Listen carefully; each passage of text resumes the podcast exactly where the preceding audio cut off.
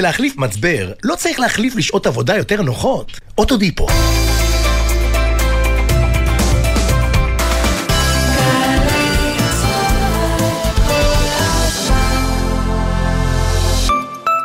יש דברים שמתחרטים עליהם והם ממש נוגעים לחיים שלנו בארץ. למשל, ביום שאחרי הבחירות, אם לא מצביעים. אבל עכשיו זה בידיים שלכם, אז לא משנה עם מי תלכו להצביע, וגם לא משנה למי, העיקר שתבחרו. ב-1 בנובמבר תתקיימנה הבחירות לכנסת, וזה ממש חשוב. או שתבחרו, או שתתחרטו. תבחרו. ועדת הבחירות המרכזית לכנסת. עכשיו בגלי צה"ל, עידן קבלר ויניר קוזין עם יומן הערב.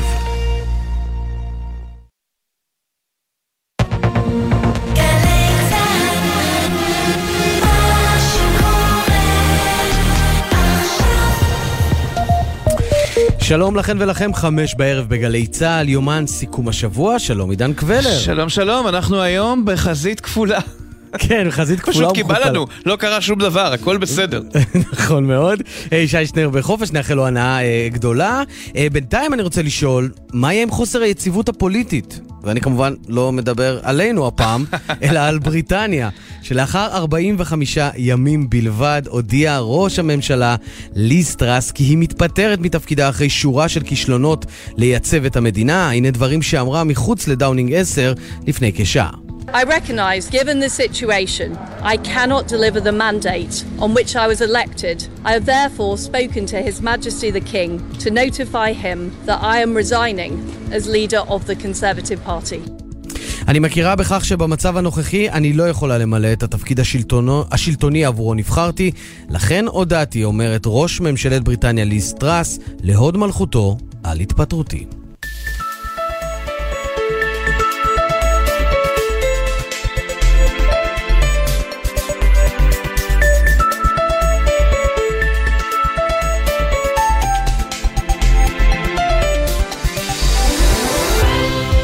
יניר קוזין ועידן קבלר עם יומן סיכום השבוע. העיקר יניר, שצחקו על בנט, על תקופת כהונתו כראש ממשלה, ידברו על לפיד, אהוד ברק עוד איכשהו, אבל הנה ליז טראס, עם שיא עולם חדש לדעתי. לא, למרות שגם אצלנו נשבר שיא כזה מזמן מזמן, אתה זוכר, כשהיה ראש ממשלה לימים בודדים, בין נכון. לבין, דומני שזה היה יגאל אלון. יגאל אלון, נכון, כן. כן, אבל זה היה כאילו אה, החלפה לכמה ימים, זה לא היה ממש רשמי, נכון. ובדרך כלל, מה שנקרא, אה, בנט הוא זה שכותב את אה, תקופת השלטון הקצרה ביותר, וכמובן גם לפיד. אגב, אה, אתה יודע, בדקתי, כי עכשיו יהיו הרבה מאוד טריוויות כאלה, כן? אז ליז טראס היא ראש כן. הממשלה היחיד מאז צ'רצ'יל. שכיהנה תחת שני מלכים, ענק. או מלכה ומלך. זה כמו ניפגש בשנה הבאה, כשאתה רגע לפני ראש השנה. כן, בדיוק, כן, זהו. 45 ימים הספיקה לא מעט אה, ליסטרס, צריך לומר. כן. אה, אבל זה, אתה יודע, מי אנחנו כנלין? בריטניה לא מצליחה לייצב את עצמה. לא, לא מצליחה לייצב את עצמה, ואני לא רואה מה בדיוק מתרחש עכשיו. יש כל מיני אה, אפשרויות לתרחישים, לתשתיות שבהם שני מועמדים אולי ינסו להיות ראש ממשלה ברוטציה, או להעלות אה, כל מיני מתמודדים מהעבר, אבל שים לב שהם לא הולכים לבחירות. נכון, הם לא הולכים... כן, הם בדיוק. הם מסתדרים עם מה שיש, עם הפרלמנט הקיים. עם הפרלמנט הקיים, יש בחירות מקדימות, פריימריז אפשר להגיד, אה, אם אנחנו כבר בבריטניה, אה, ועד ה-31 באוקטובר צריכים לבחור שם אה, אדם חדש לתפקיד. עוד מעט נשמע על מועמד מפתיע ומרענן, עוד מעט נשמע עליו. מה אתה אומר? כן, כן, ממש ככה. אני גם במתח. כן, אתה רוצה? אתה ממש במתח? יכול להמתין. כן, הנה, ממש עוד כמה אה, שניות. אתה יודע מה, בוא, אם כבר, אם כבר אתה באמת, אני לא אחזיק אותך עוד הרבה זמן, שים לב מי יכול להיות אולי המועמד הבא. אני מקווה ששחר קנוטובסקי, כתבת חדשות החוץ, תאמר לנו שלום.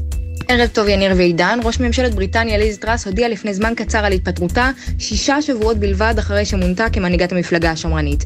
בנאום שנשאה בדאונינג 10 הסבירה טראס את התפטרותה, היא אמרה, הגעתי לתפקיד בזמן של חוסר יציבות כלכלית, נבחרתי כדי לשנות זאת, אבל במצב הנוכחי הנוכחי אני לא יכולה לממש את המנדט שקיבלתי מהמפלגה.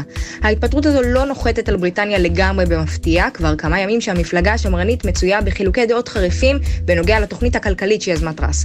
התוכנית שהייתה אמורה לחלץ את בריטניה מאינפלציה של יותר מ-10% גרמה בפועל להתרסקות בשווקים, להפגנות המוניות וגם לפיטורים של שר האוצר.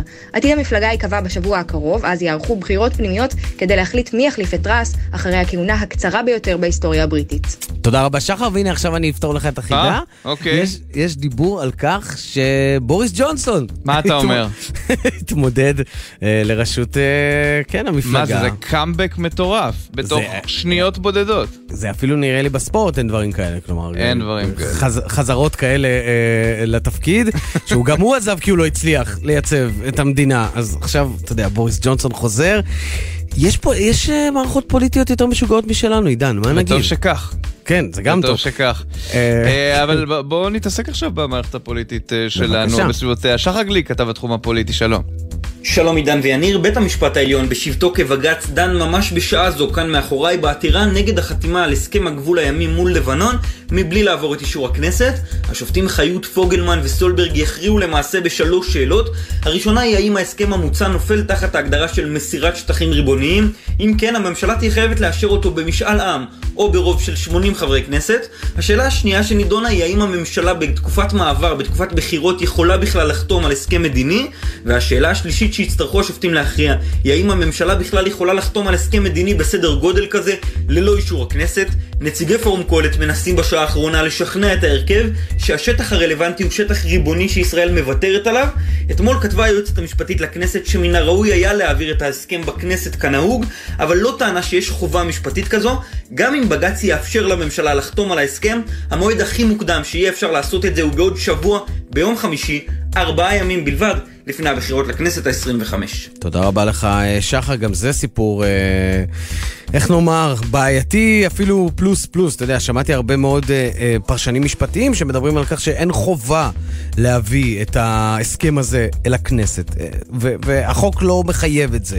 אתה יודע, יש מפלגות, ביניהן המפלגה של ראש הממשלה, שדיברו, אתה יודע, רוממו בגרונם את מעמדה של הכנסת ואת הצורך של הכנסת להיות הריבון. היה נכון להביא את ההסכם הזה בפני הריבון, נדמה לי, אם זה הסכם כזה היסטורי, זה לא? נשמע לי מאוד הגיוני מה שאתה אומר, אבל לדעתי אצלם משחק תפקיד אולי הפרשנות, שהרי כלפי חוץ אומרים זה הסכם מול לבנון, אבל בעצם זה לא הסכם מול לבנון, זה הצהרת משהו מול מתווך. כלשהו. אה, אמריקאי, נכון? זאת אומרת, זה לא כן. בדיוק, אפשר, אפשר לחמוק מזה משפטית. אבל כן, אה, כן. כן, תראה, אנחנו כבר הבנו שבפוליטיקה שלנו אה, אין בדיוק אה, נאה מקיים, אבל נאה דורש יש כל הזמן. כמה נוח אה, לדרוש כל העת. אה, עכשיו בואו נלך אה, לזירה הביטחונית, התפתחות מעניינת שמה, דורון קדוש כתבנו לענייני צבא וביטחון, שלום. שלום יניר ועידן, השב"כ והמשטרה מתירים היום לפרסום פרשה ביטחונית חמורה ביותר, במסגרתה שלושה אזרחים ישראלים תושבי הצפון נאשמים במסירה של מידע רגיש לארגון החמאס בטורקיה על תשתיות תקשורת ישראליות של חברת סלקום. למעשה מכתב האישום עולה ששניים מהנאשמים עבדו בתפקידים בכירים בסלקום במהלך השנים האחרונות, והם העבירו מידע רגיש לחמאס על כל מערכות המידע של החברה, על תשתיות התקשורת שלה וגם על נקודות התורפה של המערכות, והכל במטרה לאפשר לחמאס לשבש את הפעילות של סלקום בזמן מלחמה או מבצע צבאי עתידי. הם ידעו גם שצה"ל והמשטרה משתמשים בשירותיה של החברה, ולכן לחמאס היה כאן נכס אסטרטגי חשוב שהוא היה עלול להשתמש בו בתרחיש של לחימה עתידית. אחד מהנאשמים יחד עם אח שלו אפילו נפגש בטורקיה מספר פעמים עם בכירי החמאס שם, אלה הפקודים של סאלח אל-ערורי, ראש חמאס בחו"ל, כדי להעביר להם את המידע, ובתום חקירת השב"כ והמשטרה הוגשו נגד השלושה כתבי אישום חמורים בעבירות ביטחוניות. גם סיפור אה, די מדהים. בא לך לחלוק כן? בדיווחי התנועה, בזיגזג? אה, אז בואו בוא נלך לחסות, ואז... יאללה.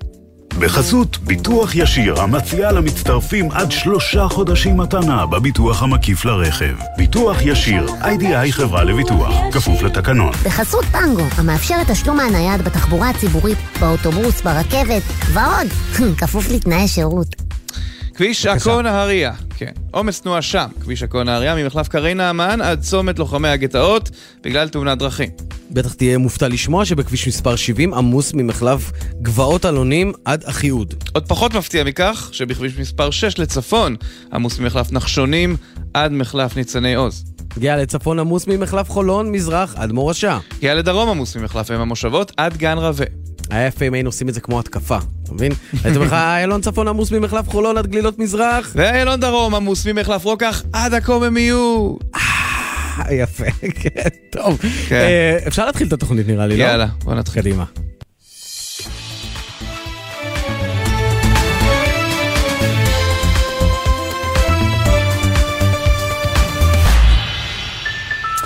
טוב, אז אה, איך לא אה, נפתח באמת בדרמה אה, בממלכה הבריטית על הודעת התפטרותה של ראש הממשלה ליסטרס אחרי שישה שבועות בתפקיד בלבד. נמצא איתנו איתמר הנדלמן סמית, סופר ועיתונאי תושב לונדון, עורך האתר הלונדון. כן, שלום. זה חתיכת אתר שהחל כבר לפני שנים והוא משרת את הקהילה של דוברי העברית בלונדון. יפה. כן, כן, כן. שלום איתמר. שלום לך. אה, אה, תראה את הבקיאות של עידן אה, באתר הלונדון. מרשים ביותר. מרשים ביותר. טוב, מה, תתן לנו פה, לפחות, קודם כל תסביר לנו מה קרה, כי זה עדיין לא דיברנו. קודם כל צריך להבין שעוד מהרגע של ההתפטרות, עוד לפני כן, מהרגע של התפטרות בוריס ג'ונסון מראשות הממשלה, המדינה, קודם כל מפלגת השמרנים, מפלגת הטורים, הממשלה הבריטית והמדינה הבריטית נכנסה לספרפרה פוליטית אה, ולמשבר כלכלי ופוליטי וסוציאלי עמוק שרק הלך והחמיר. אה, טראס, חשוב לציין שהיא נבחרה על ידי חברי המרכז של מפלגתה, שגם בדרך כלל יש להם נטיות יותר ימניות רדיקליות מלשאר, ולא על ידי העם. וכל מה שהיא הציעה לעשות, בעצם כל ה... היא תכננה לעשות כראש ממשלה, השינויים, ב... בעיקר השינויים שהיא הציעה בתקציב השנתי שלה, מה, שהיא, מה שנקרא מיני בדג'ט, התקציב שהיא הציעה וקיצוצים במס, כל אלה הכניסו את בריטניה בשבועות האחרונים למשבר כלכלי. כי בעצם היא, היא מדברת על קיצוצים במס, כשהמצב הכלכלי לא מאפשר בכלל לתת את השירותים עכשיו, אז בטח שאי אפשר לדבר על קיצוצים במס, נכון? זה משהו כזה, כלומר לא היה היגיון כלכלי בהצעה. לא, גם הקיצוצים, קודם כל הקיצוצים במס שהיא הציעה הם רק לאנשים שמרוויחים הרבה, בואו נתחיל מזה, כן? Mm-hmm. ולא לאנשים הפשוטים אה, שמרוויחים שכר מינימום. ההצעות שלה היו רק להטיב עם אלה שממילא מרוויחים הרבה, אה, באיזו מחשבה שכמה שהמדינה תתערב פחות, זו מחשבה תקשריסטית קלאסית כזו, שאם המדינה תתערב פחות, המצב הכלכלי ילך וישתפר, אבל מה שקרה הוא ההפך הגמור. השווקים רעדו מההצעות האלה, הפאונד ירה, הגיע לשפל שלא היה כדוגמתו, אה, הלירה סטרלינג, והאינפלציה גואה, מחירי, המחירים פה, משבר יוקר המחיה פה שהתחיל עוד בימי ג'ונסון בחצי שנה האחרונה הולך ומחריף במחירים, כאזרח מן השורה אני חווה את זה כל יום. ו... אתה יכול לשים אותנו, איתמר הנדלמן סמית, על ציר הזמן, אה, מכיוון שאני בשליחות התחנה הזאת הייתי בלונדון בהלוויית המלכה, ושם ברחובות ראית כמה השקל שווה הרבה יותר בכל מסעדה, בכל סופרמרקט, ראית כמה פתאום אתה מכפיל את אה, השקל שלך, את הפאונד במשהו כמו אה, פחות מארבעה שקלים, ועכשיו זה קצת השתפר, אבל האם כבר אז, כשליז טראס קראה את אותו קטע קריאה בהלוויית המלכה, ולא רבים משדרי העולם בכלל הבינו מי זאת הגברת הזאת, והנה תוך, מה זה, חודש בדיוק, חודש ויום היא מתפטרת, מתי זה קרה שההידרדרות התחילה? אה, זה היה from day one. מהרגע הראשון זה היה למורת רוחו של הבוחר הבריטי. בעצם גם מה שקרה, טראס, חשוב להבין, אה, הייתה דמות שולית, היא קודם כל התחילה את דרכה במפלגת הליברל דמוקרטים ואז והיא הייתה, אה, אה, כשהיא חברה למפלגה השמרנית, היא הייתה דווקא די מתונה, והיא את דעותיה עד שהיא נבחרה כמין ממשיכת דרכו של בוריס ג'ונסון ודי בברכתו, היא הקיפה את עצמה מראש כנגד לדעת המפלגה היא הקיפה את עצמה בקבינט אולטרה שמרני, אולטרה ימני, אירופו-סקפטי, אה, ברקזיטירי, בזמן שכל העם רואה כרגע שהברקזיט היה טעות נוראית מבחינה כלכלית, קודם כל, ועוד אה, בחינות כמובן. אה, עכשיו היה סקר שהראה ש-60% מהעם, כולל מי שהצביעו בעד העזיבה, מתחרטים, התחרטות גדולה על עזיבת בריטניה את האיחוד האירופי, ובניגוד לכל מה שנאמר לה על ידי חברי מפלגתה עצמם ועל ידי הציבור הבריטי והמדיה פה, היא הלכה עם הקיצונים שבמפלגה שלה, וזה מה שהביא לפיאסקו הזה של התפטרות אחרי שישה שבועות. פשוט מדהים. הקצרה, אתה יודע, כהונת הראשות ממשלה הקצרה ביותר בתולדות אה, בריטניה.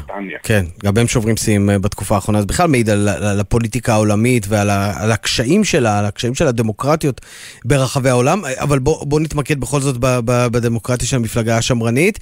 מה הולך לקרות עכשיו, והאם באמת יש סיכוי ש... הכוכב, מה שנקרא הפוליטיקאי הצעיר, בשם בוריס ג'ונסון, אה, פתאום יהפוך שוב לראש ממשלה. אה, אני לא חושב שזה יקרה בזמן הקרוב, אולי בבחירות הבאות, אם כי אני מטיל גם בזה ספק, אה, כרגע המפלגה השמרנית בכל הסקרים נמצאת בתחתית של התחתית. מה שהבנתי שיקרה בשבוע הקרוב יוחלט על ראש ממשלה מטעם המפלגה השמרנית, יש מועמדים, אני מניח שהצ'נסלור החדש, צ'רני האנט, הוא הוא מועמד, אה, למרות שבסיבוב הקודם הוא, הוא עזב מאוד מהר, הוא עכשיו מועמד חזק, אולי רישי סונאק יחזור, מישהו יחליף אותה, אה, זה יקרה בשבוע הקרוב, ואז היא תעזוב. אה, ואז נחכה לבחירות. עכשיו, למה לא מפילים את ה... למה לא מפזרים את הכנסת? סליחה על ההשאלה מכאן. אין דרך לפזר את הפרלמנט? הרי לחלוטין המפלגה הזאת כשלה. כשמחליפים ראשי ממשלה בסיטונות, מה עושים? אני קודם כל מסכים איתך לגמרי. אה, אני חושב שפה מדובר בכשל מנהיגותי של הצד השני, כי מנהיג הלייבור כרגע, על אף שבסקרים הוא, נמצא במקום גבוה מאוד, בטח הרבה יותר מכל מועמד אה, שמרני כרגע, כמו שאתה אומר, המפלגה השמרנית נתפסת כרגע כמין, אתה יודע, בדיחה אה, רעה, כי הבדיחה הזו על חשבון האזרח הבריטי הממוצע. בסופו של דבר הכישלון הוא כישלון של, אה, אה, כרגע הוא גם של מנהיג הלייבור שלא מציע את אה, פיזור הכנסת, כמו שקראת לזה, ואת פיזור הפרלמנט, כן. והצבעת אי אמון.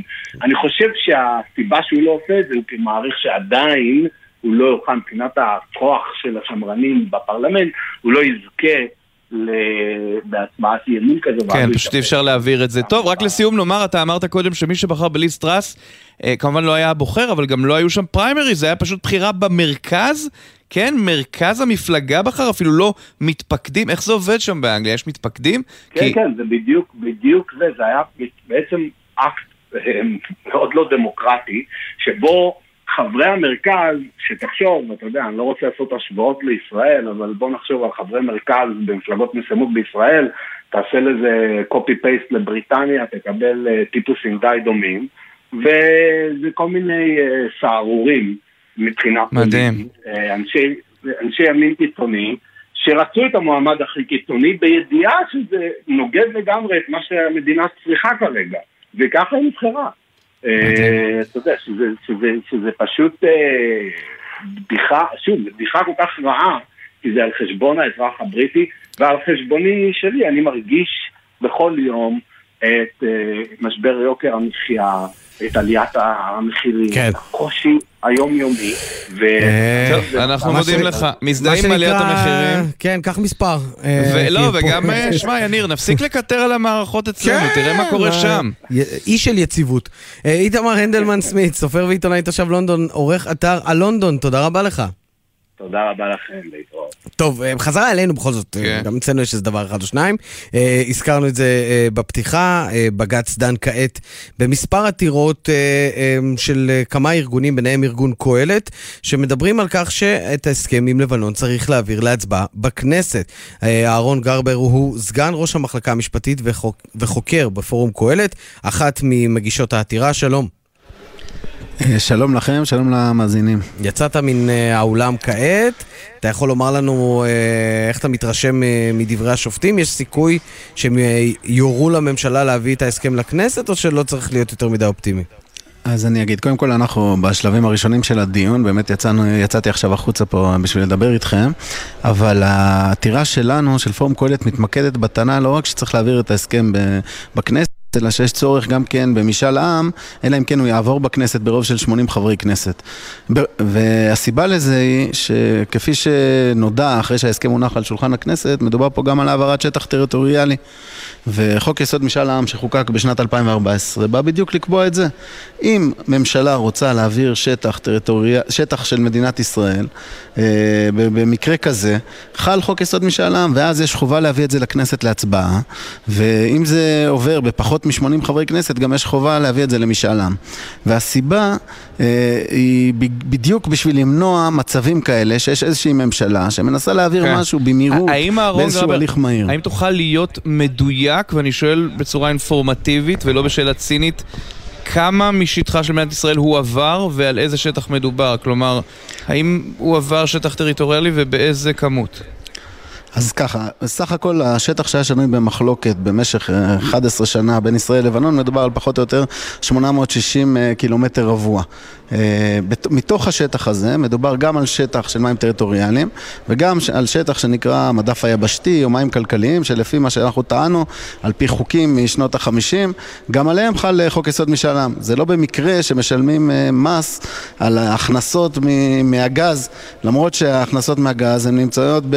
כן, אבל הפ... הפרשנות המשפטית הרווחת היא שהמים הכלכליים לא נחשבים למים טריטוריאליים. אתם מדברים באמת על, על מספר הקילומטרים האלה, שצריך להגיד את האמת, התווספו, או הידיעה עליהם התווספו לאחר הגשת העתירה שלכם, לא? אז, אז, אני, אז קודם כל שני דברים. אחד, אנחנו הצגנו עכשיו טיעון מפורט וארוך בבית המשפט, למה אה, החוק יסוד משאל עם חל לשיטת... שטח שמעבר לזה. אבל גם אם הוא לא, עצם העובדה שיש שם מים, אה, שיש שם מים טריטוריאליים, זאת אומרת, ה-22 קילומטר הראשונים של החוף, על זה אין מחלוקת, שחל על זה המשפט, השיפוט והמינהל, שזה מה שדורש משאל עם, בסיטואציה כזאת, זה לא משנה אם יש שם קצת או הרבה. הסכם שכולל העברה של שטח כזה, על פי לשון חוק היסוד, מחייב משאל עם. אני אגיד לך יותר מזה, כשחוקקו את חוק יסוד משאל עם, אמרו, אבל מה יקרה אם זה יהיה רק איזה תיקוני גבול? מה יקרה אם זה יהיה איזשהו שטח מז... מזערי, באו ואמרו, אתם יודעים מה, אתם צודקים. צריך לייצר איזשהו מנגנון שימנע את, אה, שימנע את הצורך במשאל עם, והמנגנון הזה הוא העברה ברוב של 80 חברי כנסת. תתכבד שזה מדהים, הממשלה. לא רוב של 63 כמו שאולי יש כרגע בכנסת, אלא 80 חברי כנסת. כן, והדבר הזה נאמר כש, כשהייתה, כשהדיון היה מאחורי מסך בערות, לא דיברו על הסכם ספציפי. בדיוק באו ואמרו, בסוף רוצים, החוק הזה נועד לכבול את ידי הממשלה. שממשלה לא תגיע ותגיד, יש פה איזושהי הזדמנות. אגב, זה לא צריכה להיות ממשלה לפני בחירות שהיא לא נהנית מאמון הכנסת, זה יכול להיות גם ממשלה אחרי בחירות עם 70 חברי כנסת בממשלה. החוק היסוד בא ואומר, שכאשר רוצים להעביר הסכם, שזאת המשמעות שלו, mm-hmm. יש פה צורך בתהליך הרבה יותר ארוך, צריך לשאול העם, או לשכנע 80 חברי כנסת. אוקיי. אהרון גרבר, סגן ראש המחלקה המשפטית וחוקר בפורום קהלת מהעמדה שלנו בבית המשפט העליון, תודה רבה לך שהצטרפת אלינו. ערב טוב לכם ולכל המאזינים. שמע, אה, אני יודע שיש אנשים מבין מאזיננו שחושבים שזה שאלות קיטבג מה ששואל גרבר, אבל אני אומר לך את האמת, אה, אם אלה החוקים, אז יש ללכת לפיהם, אבל אולי את העמדה הנגדית... זהו, לא, תראה, עכשיו נשמע, אבל רק צריך להגיד שהפרשנות המשפטית, גם של היועצת המשפטית לממשלה, ואפילו של היועצת המשפטית לכנסת, שהיא יותר מחמירה מן הסתם, ומה שנקרא, כבודה של הכנסת חשובה לה מאוד, גם היא מציינת שאין חובה על פי ההסכם הזה להביא אותו להצבעה בכנסת. טוב, אז אני מניח שזה לא יחלוק אה, בין שיחנו הבא. זה נכון. חבר הכנסת רם בן ברק, יושב ראש ועדת החוץ והביטחון, יש עתיד, שלום. שלום, ערב טוב. אה, אתה יודע, אה, חבר הכנסת בן ברק, אני אפילו לא רוצה לקחת אותך לפן המשפטי, אני רוצה לקחת אותך לפן הערכי, העקרוני של יש עתיד, שדיברה ומדברת לא מעט על חשיבות הכנסת, ואמרה על כמה פעמים האופוזיציה היא זו שרמסה את הכנסת בכנסת האחרונה, וגם בכנסות קודמות וכן הלאה. היה מה שנקרא דרך המלך, הדרך הנכונה היא לכבד את הריבון, לכבד את הרשות המחוקקת, ולהביא את ההסכם הזה, כמו שאמרה גם היועצת המשפטית לכנסת, בדרך המלך ולהצבעה בכנסת. גם, גם הדובר, תכף אני אענה לך שאלה, וגם הדובר אה, לפניי אה, דיבר כל הזמן על שטח במחלוקת, נכון? ככה הוא הגדיר את זה. Mm-hmm. זאת אומרת, שטח במחלוקת הוא לא שטח שלך, הוא שטח במחלוקת. יש עליו מחלוקת משפטית, האם הוא, שהקו עובר פה, הקו עובר פה, ולכן כל הדיבורים על זה שוויתרנו על שטחים שלנו הם כמובן דברים חסרי, חסרי כל ביסוס. אבל יש שם חלק שמדובר זה... על חלק טריטוריאלי שבכל זאת... לא, אין חלק טריטוריאלי, יש את, יש את קו המסופים, נכון. קו שמדינת ישראל קבעה בעצמה. אה, והקו הזה נשאר בידינו, כולל, אה, כולל הכרה לבנונית אה, בקו הזה עד אשר יוגדר הקו היבשתי, שזה בפועל אומר שזה קו שלנו, וזה חשוב מאוד למערכת הביטחון, אחת הסוגיות העיקריות. ולכן החמישה הקילומטרים הראשונים הם בהחלט כרגע על פי הקו הרגיל בשטח לבנון בכלל, אבל זה דבר אחד. דבר השני, השטח שעליו מדברים הוא שטח במחלוקת. שטח במחלוקת, אי אפשר לעשות בו כלום על אשר לא נפתרת המחלוקת. אנחנו פתרנו את המחלוקת, אי אפשר, אפשר לשאוב בו, אי אפשר לקדוח בו, אי אפשר לעשות שום דבר. ולכן גם הוא, ברגע שהוא משתמש במילה שטח במחלוקת, אתה מבין, זה לא שטח אה, בבעלותנו. ועכשיו לשאלתי. דבר, זה דבר שני, עוד שנייה. אוקיי. Okay. אני אומר לך, יש עכשיו דיון בבית המשפט העליון. אני אומר לך, נתניהו בסתר ליבו מקווה מאוד מאוד מאוד שה, שבית המשפט העליון יאשר אה, לחתום על ההסכם. הוא ירוויח פעמיים. א', הוא ירוויח מזה שהוא יודע שזה הדבר הנכון. הדבר הנכון הוא לחתום על ההסכם הזה, נתניהו חותם עליו בשתי ידיים, והוא מקווה מאוד שבית המשפט יורה אה, להעביר אותו ולחתום עליו. והדבר השני, זה יאפשר לו להגיד שבית המשפט הוא שייך לאנשים מסוימים, כי זה אומר כל הזמן, ככה הוא ירוויח אה, פעמיים. עכשיו, אני, היה הסכמים דומים לזה, היה הסכם עם אה, קפריסין. שנחתם, אתה לא שמעת את האופוזיציה מבקשת להביא, אה, אז היינו... טוב, לבנון זה יותר סקסי, אתה יודע, זה מלחמה, לא, ערבים, מחבלים. לבנון זה סקסי, אבל מים כלכליים הם מים כלכליים, וקו גבול הוא קו גבול, לא משנה איזה מדינה כזאת או מדינה אחרת.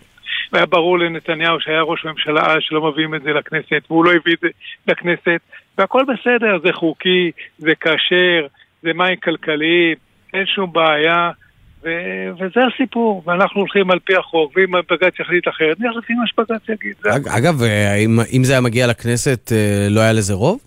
לא יודע, יכול להיות שכן, כי אתה יודע, אם היה מגיע לכנסת, אז יכול להיות שהם היו, האופוזיציונרים היו מתנהגים באחריות והיו מצביעים לפי מה שצריך. ראש הממשלה לדעתי אמר, אה, אם אני לא טועה, זו התנהגות המופקרת של האופוזיציה, ובגלל זה אנחנו לא מביאים את זה לכנסת. אני לא רוצה לחזור על אה, דברים שנאמרו. הכנסת, כבודה במקומה מונח, ואם זה יגיע להצבעה בכנסת, אנחנו גם נצליח לשכנע אם, בג"ץ יורה על זה, אנחנו נצליח לשכנע. את האנשים אה, אה, לגרום לזה שזה יעבור גם. טוב, אה, נעבור הלאה, אה, נדבר על מה שקרה בחווארה ועל אלימותם של כמה יהודים כלפי חיילי צה"ל ושוטרי מג"ב שם. ואפרופו נתניהו שדיברת עליו, אז הוא גינה את האלימות, אבל גם גינה את אלה שמבקשים לשים ציבור שלם כאלימים. איך אתה מתייחס לציבור המתנחלים ולפורעים שיוצאים מתוכם? הגם שלא כל המתנחלים אלימים, זה ברור. ציבור, ציבור המתיישבים ביהודה ושומרון הוא ציבור רובו ככולו שומר חוק וסדר, ככה אני מקווה, ככה אני גם מאמין ורואה, ואין איתו שום בעיה. יש שם אה, לא מעט אנשים ש, שהולכים, ואני קורא להם הבן גבירים או נערי הגבעות, אה, שזה כבר מסורת של שנים, זו לא פעם ראשונה שהם מתנגדים לחיילים. בן גבירים? כלומר, אתה סבור שהם שלוחיו של בן גביר. אני משוכנע שהם, אה, שהם אה, הולכים יחד איתו יד ביד, הוא מטפח אותם שנים, אני מזכיר לך, ו, ואני חושב שזו תופעה מאוד מאוד חמורה. אני חושב שחיילי צה"ל עושים שם עבודה קשה מאוד, בתנאים מאוד מאוד קשים. והדבר האחרון שהם צריכים זה גם להתעסק עם uh, יהודים, ולצערי הרב הם מתעסקים עם יהודים הרבה מאוד.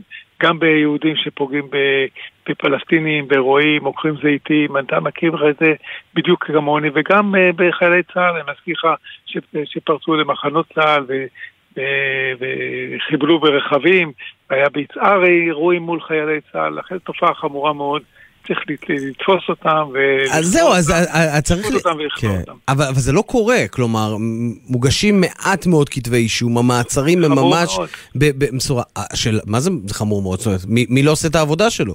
אני חושב שיש כאן אה, אה, בעיה שאין מספיק אה, משטרה, בסוף חיילי צה"ל הם לא, אין להם סמכויות לעצור. צריך את הבעיה, בבעיה הזאת, באמת לראות איך, איך פותרים אותה, ואני חוזר שוב ואומר, רוב המתיישבים הרוב מוחלט למתיישבים ביהודה ושומרון אנשים שומרי חוק. ואנשים שפורעים, אגב, הם גם פוגעים במתיישבים במתיישבים האחרים, כן? כי הם לא עושים להם שם רע. Mm-hmm. באותם פורעים צריך אה, אה, לראות איך אה, אפשר לעצור אותם, אה, לשפוט אותם, ובמידת הצורך גם לעצור, אה, לעצור אותם. כן, אגב, ראינו את התגובות של ראש הממשלה ושל שר הביטחון בעניין הזה.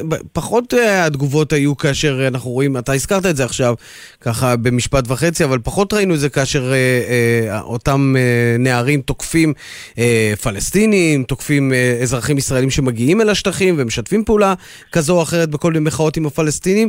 הם מותקפים, הם מקבלים מכות, זה קרה אפילו השבוע, לא שמענו שום תגובה מראש המפלגה שלך, או בכלל מאחרים ממש בשוליים. אולי עצימת העין במקרים האלה מובילה בסופו של דבר למה שראינו בלילה בחווארה. אני לא רוצה להתייחס לאנשים אחרים. אני כבר, אה, מהרגע שנכנסתי לכנסת, אני מדבר על זה, אני עשיתי על זה, אה, עשיתי על זה ישיבות בוועדת חוץ וביטחון על, פי, על פגיעה בפלסטינים. אני חושב שזה חמור מאוד. אני גם חושב שלא כל הפלסטינים הם, אה, הם, יש גם פרובוקציות מצד פלסטינים. אני מכיר את העובדות. אבל בהחלט פגיעה באנשים תמימים היא חמורה מאוד, בין אם פלסטינים, בוודאי אם הם חיילי צה"ל, צריך, צריך לנקוט ביד קשה מאוד. כי זה, כי זה חמור מאוד במדינה נורמלית. החוק צריך להיות, uh, לאכוף אותו בכל מקום, mm-hmm. וכנגד כל אחד שפוגע באנשים חפים מפשע. איך, כן, בבקשה. לא, לא אני, אני, אני תוהה אם, uh, תכף נגיע לפוליטי, אבל המתיחות הביטחונית, uh, אני מניח שיאמרו uh, אחינו המתיישבים שהמתיחות לא מאוד פחתה, אבל נדמה לי שבמבט כולל מלמעלה יש איזושהי... רגיעה, למרות שאחרי מה שראינו אתמול במעלה אדומים, אתה יודע, שמע, זה פשוט נורא. 11 ימים לא תפסו את המחבל שכמעט ביצע עוד פיגוע. איך אתה מגדיר את זה? אני חושב שאנחנו, לשמחתי הרבה, התרגלנו לזה שהשב"כ שלנו הוא כל יכול והוא צ'יק צ'אק מוצא דברים. זו מציאות מאוד מאוד מורכבת, ובלי להיכנס לפירוט, אנשים שיודעים להתנהל יותר קשה, לפעמים לוקח יותר מכמה ימים אה, אה, להשיג אותם. בסוף אנחנו תופסים את אה, כולם. הפעם הוא הצליח לנסות לבצע פיגוע, ואגב, צריך להגיד מילה טובה מאוד, גם למאבטחים שהיו שם וגם mm-hmm. לאותו אזרח שגילה אחריות וראה את זה מבעוד מאוד והזהיר אותם. אבל חבר הכנסת בן ברק, זה, זה מעבר לזה, 11 ימים, כמו שאומר עידן, מחפשים אותו כל, כל גורמי הביטחון בישראל. הוא יוצא ממחנה הפליטים שועפאט, נוסע עם הרכב שלו בכלל למעלה אדומים, כלומר הוא עובר כנראה סוג של איזשהו מחסום, או מגיע למחסום ההוא. איך דבר כזה קורה? דבר כזה קורה כי כשאתה נמצא בתוך אוכלוסייה של שניים אה, וחצי, או לפי הסקר המעודכן 3.1 מיליון אה, פלסטינים, אה, שיש לך סייענים וכן הלאה, לפעמים לוקח יותר מכמה ימים להגיע לאנשים, ובסוף מגיעים לכולם. השב"כ שלנו הוא באמת פלא ביכולות שלו. לפעמים לוקח יותר מכמה ימים, אתה יודע, זה כמו למצוא מחט בערימת... אה, אתה נורא שלו נשמע לי, חבר הכנסת בן ברגן, חבר הכנסת... אני ממש לא, אני ממש... ככה, ככה זה נשמע, אתה אומר, קורה, נו, מה לעשות, זה לא, החיים. לא, אתם, אה, צריכים להבין שאנחנו נמצאים בחיים במציאות מאוד מאוד מורכבת. של אה, מיליונים, של למעלה משלושה מיליון פלסטינים, שחלק קטן אמנם מהם טרוריסטים, שהטרוריסטים האלה לא תמיד קל, קל למצוא אותם. עדיין השב"כ מונע עשרות, עשרות פיגועים בחודש, וזו לא אמירה שאני אומר אותה סתם באוויר, זו אמירה נכונה. ולפעמים, לא, לפעמים יותר קשה, מה לעשות, אין, אין, אין קוסמים פה. זו עבודה קשה, לפעמים מצליחים יותר מהר, לפעמים מצליחים פחות. ואני ממש לא שלב, אני מסתכל על הפעילות של, של צה"ל. ואני מכיר אותה היטב, אני כל uh, לילה שאני הולך לישון, אני הולך uh, לישון עם חשש שחס וחלילה ייפגע לנו uh, חייל, כי אנחנו מגיעים לכל מקום שנמצאים בו טרוריסטים, אנחנו מוצאים אותם מהמיטות, אנחנו פוגעים בהם פיזית, אנחנו עוצרים אותם, כי אנחנו מנהלים אנחנו, מערכה מאוד מאוד קשוחה למול הטרור הזה, הרבה מאוד שבועות כבר, ואני שמח, זה באמת מתחיל לתת את אותותיו. אבל, אבל בהחלט יש כאן נחישות בלתי רגילה. ו... כן. ו... האם נחישות היא גם מה שמאפיין את מפלגת יש עתיד לקראת הבחירות הקרובות? כי יש תחושה של נמנום. אה, אה, יש עתיד עובדת, אתם עכשיו אה, רואים אותי אחרי חוג בית, יש לי עוד שניים כאלה היום, ואנחנו פזורים ועובדים, ואנחנו חדורי, חדורי מוטיבציה, כי אנחנו מבינים שהאלטרנטיבה לממשלה בראשותנו היא אלטרנטיבה איומה ונוראה, שבו בן אדם שמנופף באקדח, שאגב אין מאחוריו כלום ושום דבר, הוא הולך ועושה פרובוקציות, זה ממשלה מאוד מאוד מסוכנת, ואנחנו. אוקיי. מתכוונים להילחם, בה, להילחם ולנצח. חבר הכנסת רם בן ברק, יושב ראש ועדת החוץ והביטחון, יש עתיד, תודה רבה לך. תודה רבה לכם. אה, אנחנו ממשיכים, אה, לא, נצא, כן, כמה כן. הודעות, הנה. כן, נצא לכמה הודעות, זה הזמן. נשוב. ספר אחר כך מה הכנתי לך לשעה הבאה. הופה. אתה תאהב. קדימה. אחר כך.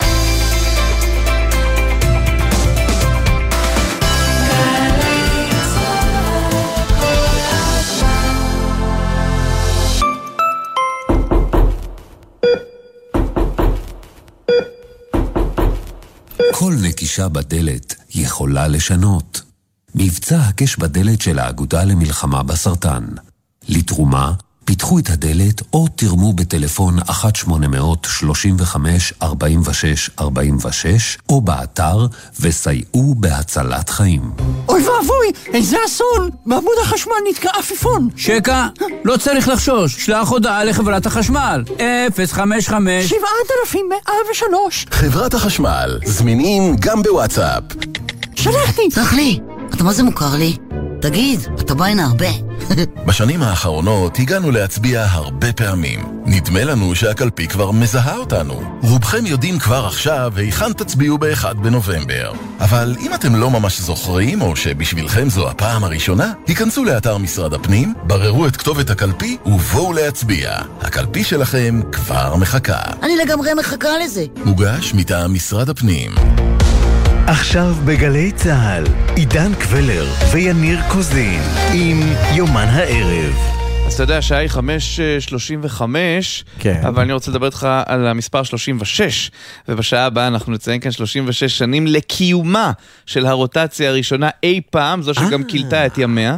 בין פרס לשמיר. שמיר mm-hmm. נכנס, השביע בממשלה והחליף את uh, פרס. Uh, בין היתר, uh, לא נשמיע כאן השבעות ממשלה וזה, זה ישן, זה, הבאתי לך כמה דברים קצת יותר מקוריים. וכמובן קטע מוזיקלי אחד שכל המדינה זוכרת ודיברה עליו. בוודאי. 36 או 38 שנים? אני כבר לא זוכר. 86 הייתה השנה, 22 פחות 36 זה 86, לא? כן. 22 פחות. אני זכרתי 84, לא יודע. לא, 84 הם התחילו את הממשלה. אני מדבר על קיומה של הרוטציה. רגע הרוטציה. קיומה של הרוטציה, שנזכיר, היה חשש שהיא לא תתקיים. כמו שנאמר, צריך לוודא שהרוטציה תתקיים. על מי אתה חושב שאתה מאיים? אני מזכיר לכם, זה גם היה מאזורי סיבה עם סיבה, נביא משהו אחר, אבל דומה.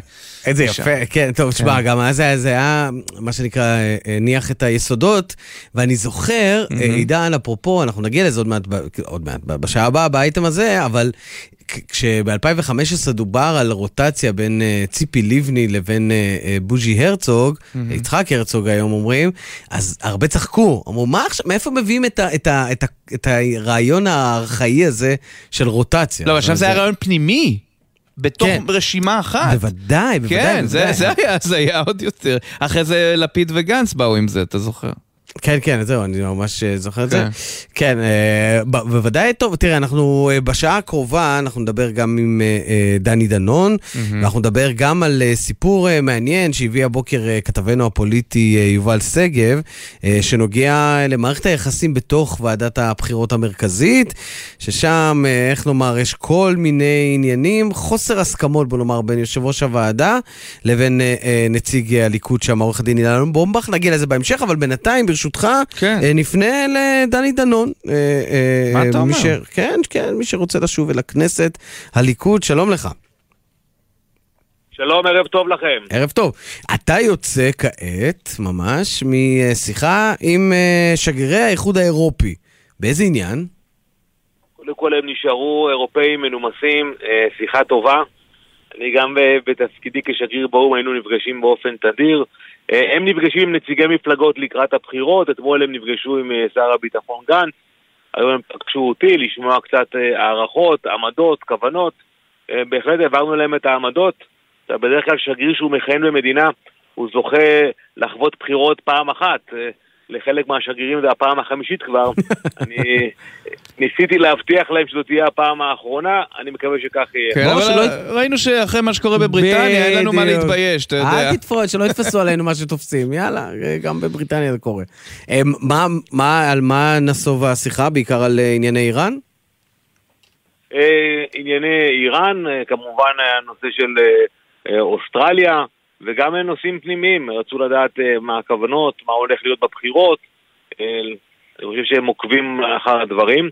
אה, אני ככה הכנתי אותם לקראת ניצחון הליכוד, אל תמהרו לצאת בהצהרות אחרי הניצחון, תחכו לפעילות שנעשה ולעבודה שנעשה בשטח. סיפרת להם גם על התוכנית של בצלאל סמוטריץ' להיות שר ביטחון ושל בן גביר להיות שר לביטחון פנים?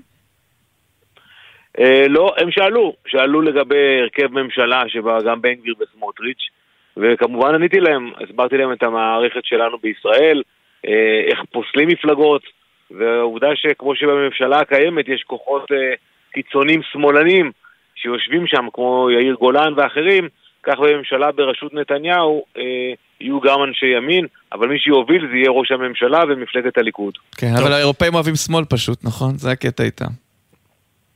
אה, לא, קודם כל לא צריך להכליל, אני למדתי את זה באו"ם. תראה איזה דיפלומט אני נהיה. אתה רואה? כן, זה זה? שנים של... כן. חמש שנים להיות באו"ם, זה עושה איזושהי עבודה.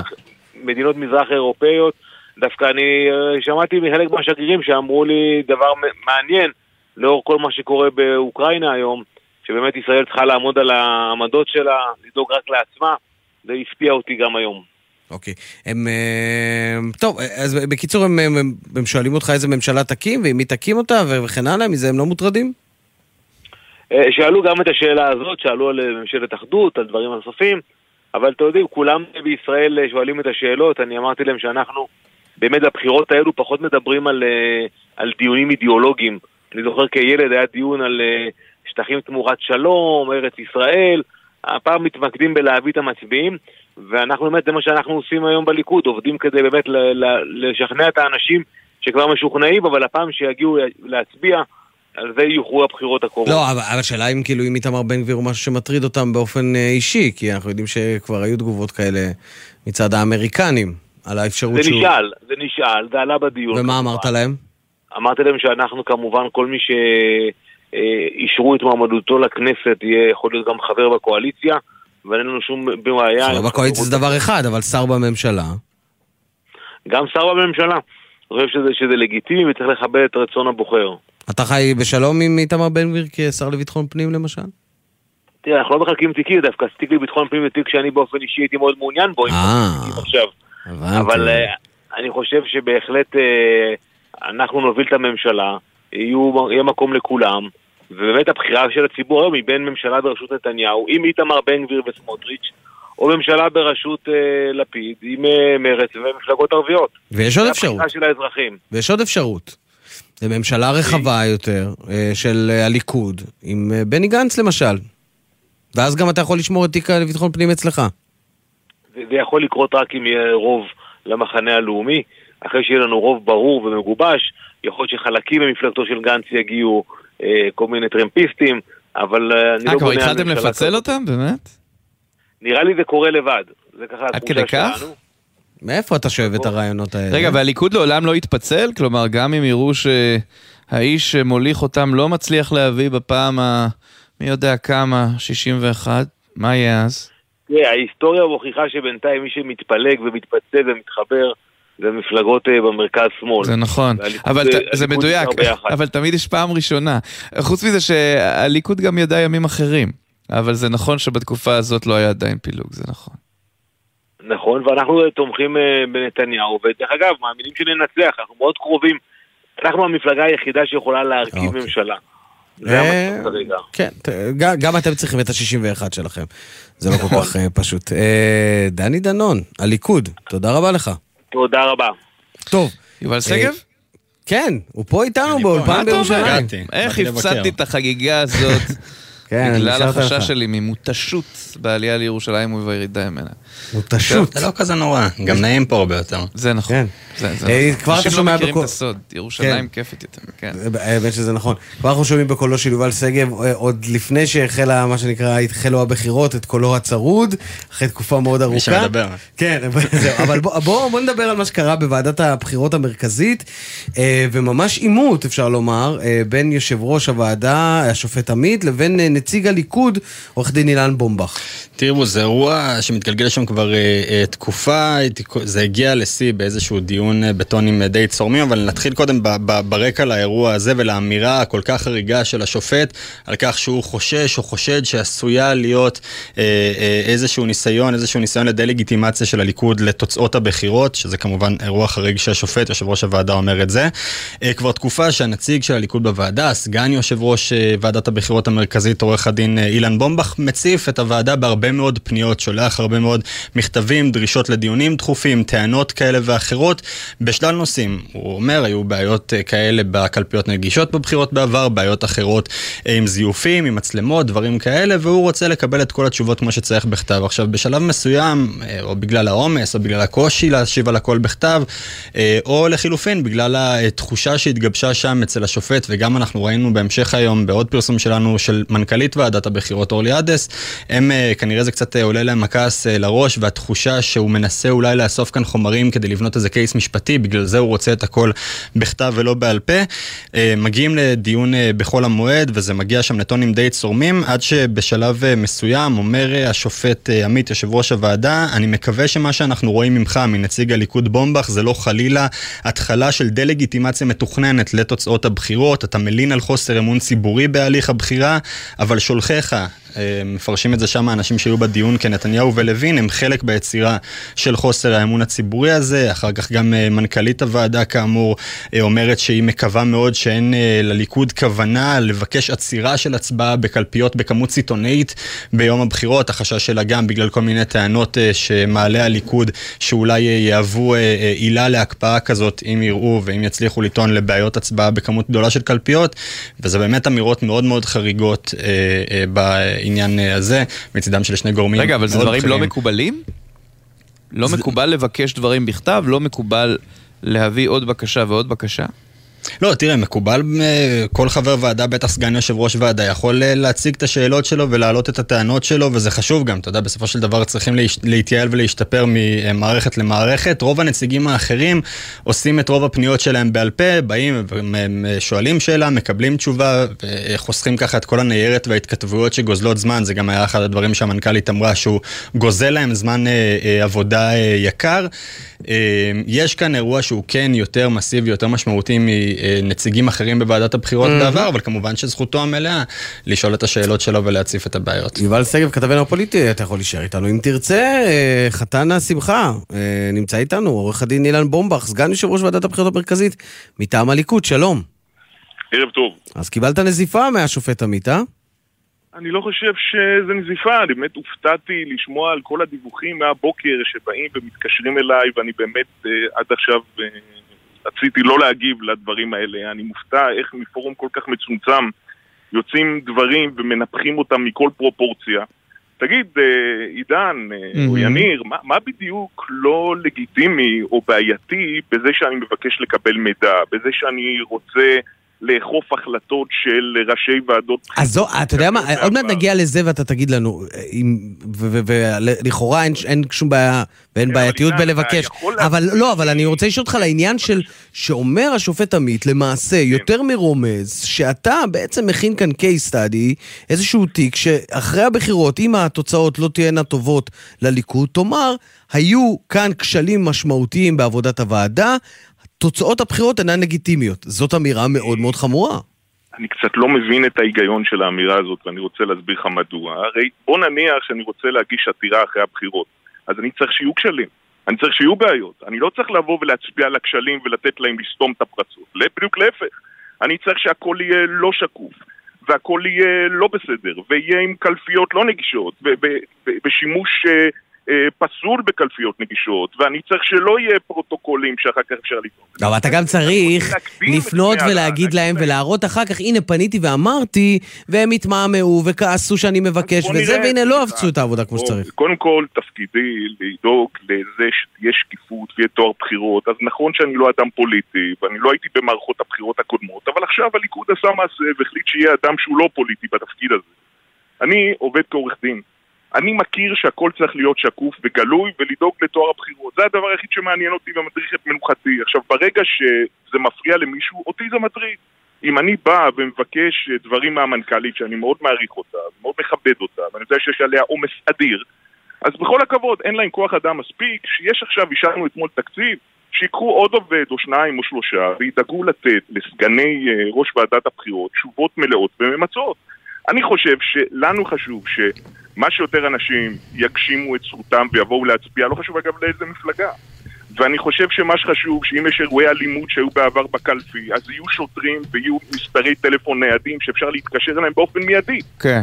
אז, אז רגע, שגב, אה, שנייה לפני שאתה שואל את אה, בומבך, כן. אני רוצה להבין ממך, האם היה משהו מבין הבקשות שעל בסיסם מתבססות הטענות הללו של ועדת הבחירות, שנראות אה, הזויות או אבסורדיות בבקשות של אה, בומבך? תראה, אני מודה שלא הצלחתי ולא הספקתי לקרוא את כל הבקשות שבומבך הגיש. הייתה איזושהי בקשה... אבל אל תרגיש מפוחד, דבר. הייתה איזו בקשה או שתיים שמנכ"לית כן. ועדת הבחירות גם כתבה עליה לבומבך, תלמד את חוקי הבחירות כמו שצריך לפני שאתה מגיש פניות כאלה וטענות כאלה וכולי, אז היא עקצה אותו ישירות. כן מעניין אותי בעניין הזה, עורך הדין בומבך, אם אתה כן. אה, אומר שכל המהלך שלך כאן הוא כשר ומתבקש, אז מה, השופט עמית מחפש אותך בגלל שאתה נציג הליכוד לא, בוועדה? הוא עושה איזה זדון? השופט עמית לא מחפש אותי, השופט עמית, אני מעריך אותו, אני חושב שהוא מגדולי השופטים שהיו אי פעם במדינת ישראל. הוא שופט מאוד איכותי, מאוד מקצועי, מאוד לא פוליטי. אני חושב שפה הוא נתפס לכלל טעות, כנראה עקב הלחץ שקיים בוועדה. אני חושב שהדברים האלה, אין להם שום בסיס, ואדרבה, אני מזמין את כל מי שרוצה. יובל, תקרא את המכתב באמת בשום שכל ובתשומת לב מרובה, ותגיד לי, איזה דרישה שם היא דרישה שמראה על איזושהי פוליטיזציה חלילה. הופתעת אגב שלא גיבו אותך בליכוד היום? לא ראינו תגובות של הליכודניקים. אני לא רציתי להגיב ולא רציתי להתייחס, וזה לא... לא, של חברי הכנסת, יו"ר התנועה, שולחיך, כמו שקרא להם השופט. תראה, הדברים האלה מטרידים מאוד את, את הליכוד, כמו שהם צריכים להטריד מפלגות אחרות. הם רוצים שיבואו מה שיותר אנשים לממש את זכותם. הם רוצים שיהיה הכל שקוף, הם רוצים שלא יהיה בעיה שאין צילומים. אנחנו למשל רוצים לצלם את הליך הספירה. יש בעיה עם זה? אין, אין שום בעיה עם זה. אנחנו רוצים לצלם את זה. קלפיות נגישות, אגב, חלק מהדרישות שלי התקבלו. אז במקום שיודו על זה שאני מציף בעיות שהן בעייתיות מאוד, והם אומרים, וואלה, נכון, אתה צודק, אנחנו עושים שינויים, אז באים ומדליפים דברים כאלה. הרי למשל הקלפיות הנגישות, תראה כל ראשי ועדות הבחירות, כמעט כולם, ללא יוצא מן הכלל, uh-huh. באו ויתרו על תופעה פסולה שאנשים שהם לא זכאים לזה, אנשים שאין להם שום מוגבלות, מנצלים את הקלפיות הנגישות. אמרתי, אתם צריכים לבוא ולאכוף את זה, איך זה שעד היום אין כתב אישום על זה, איך זה שאנשים לא ישבו בכלא. כן. והדרישה הזאת התקבלה. אני, ובשבוע הבא אתם תראו סרטונים שבהם ועדת הבחירות מאיימת ומטרה בהגשת כתבי אישום והליכים פליליים נגד אנשים שמפרים את ההצהרות שהם חתומים עליהן. יפה. אה, רציתי לשאול אותך, עורך דין אה, אילן בובך, שאלה כללית וחד משמעית. אה, הליכוד, אתה והליכוד תקבלו את תוצאות הבחירות, יהיו אשר יהיו? איזה שאלה, מה, מה זאת אומרת לא, תקבלו את תוצאות הבחירות יהיו אשר יהיו. ברגע שיהיה תוצאה שהיא אמינה, שהיא רצינית, ודאי שנקבל אותה, מה, אבל... מה זה אמינה ורצינית כן. אם יהיו קלפיות שהיו שם בעיות, שמגישים עתירות, זה, זה לגיטימי לחלוטין, כל מפלגה עושה את זה. אין מפלגה לא, שאחרי הבחירות הקלפי, לא... הקל... בוודאי, לא. על קלפיות נקודתיות תמיד מגישים אה, עתירות, ואיפה שיש בעיות, זה, זה דבר ידוע ומוכר. אני מדבר כקונספט, כתפיסת עולם. אה, לומר, אלה הבחירות, אלה התוצאות, מלבד מקומות נקודתיים, אנחנו מקבלים את תוצאות הבחירות, איזו שאלה. בוודאי, מה זה, זה מפלגה דמוקרטית, אני חושב שאחת המפלגות היחידות, שיש שם פריימריז אה, מסודרים, אולי לא אחת היחידות, אבל יש הרבה מפלגות שהן לא כאלה. לא ממנים שם אנשים, זה הכל בבחירות, הכל בצורה מסודרת. אם מעבירים שלטון, עושים את זה באופן מסודר, ואם צריך להחזיר את השלטון, גם עושים את זה באופן מסודר. הכל יהיה בסדר. עד כמה, בוא נשאל את זה ככה, כמה פעמים בשבוע אתה נפגש עם נתניהו ולוין, והאם כל מה שאתה מגיע איתו לוועדה זה באמת אה, רעיונות וכיוונים שאתם מגבשים יחד? אנחנו נפגשים ומדברים מעת לעת, מטבע הדברים בשבועות האחרונים מדברים יותר, נפגשים יותר, אנשים רוצים אה, בהחלט לדעת שהדברים נעשים כמו שצריך, ואני באמת דואג לכך. Mm-hmm. זה כל מה שאני רוצה. Okay. תראה בכל הדרישות שדרשתי, בכל המכתבים, נכון, מכתבים רבים שכתבתי, אין שם דרישה אחת כמעט מיותרת. אוקיי. אין שם משהו אחד שהוא לא בסדר. טוב, הנה, המסר אה, עבר. אה, אה, השופט עמית חשד בקשרים, זה הכל. עורך דין אילן בומבך, סגן יושב ראש ועדת הבחירות המרכזית מטעם הליכוד, תודה רבה לך.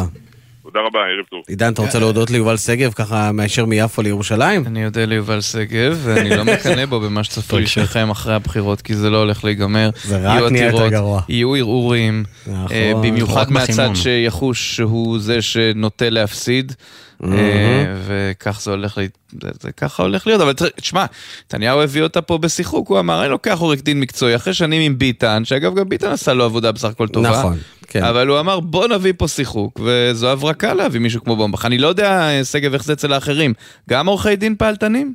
לא, לא, שאר לא. הנציגים זה חברי כנסת. או אה, חברי כנסת או חברי מפלגה כזו. ולדימיר בליאק כן. ומשה אני בכלל לא ידעתי שמותר להביא אה, עורך דין מבחוץ, זה נראה לי כן. שחקן חיזוק. אה. לא, יש גם חברים שהם בכלל הם חברי מפלגה בצורה עקיפה, והם בכלל לא חברי כנסת ולא עורכי דין. בכל מקרה, יובל שגב, כתבנו הפוליטי, תודה רבה לך. עכשיו, עידן, כידוע לך, יש לנו פה את הפינה הכלכלית. ונמצא איתנו כבר גיא בן סימון, עורך אתר ספונסר, שלום גיא. שלום, שלום. טוב, אנחנו עם uh, יד על הדופק על התקררות שוק הדיור. האם התקררות או קצת פחות חם?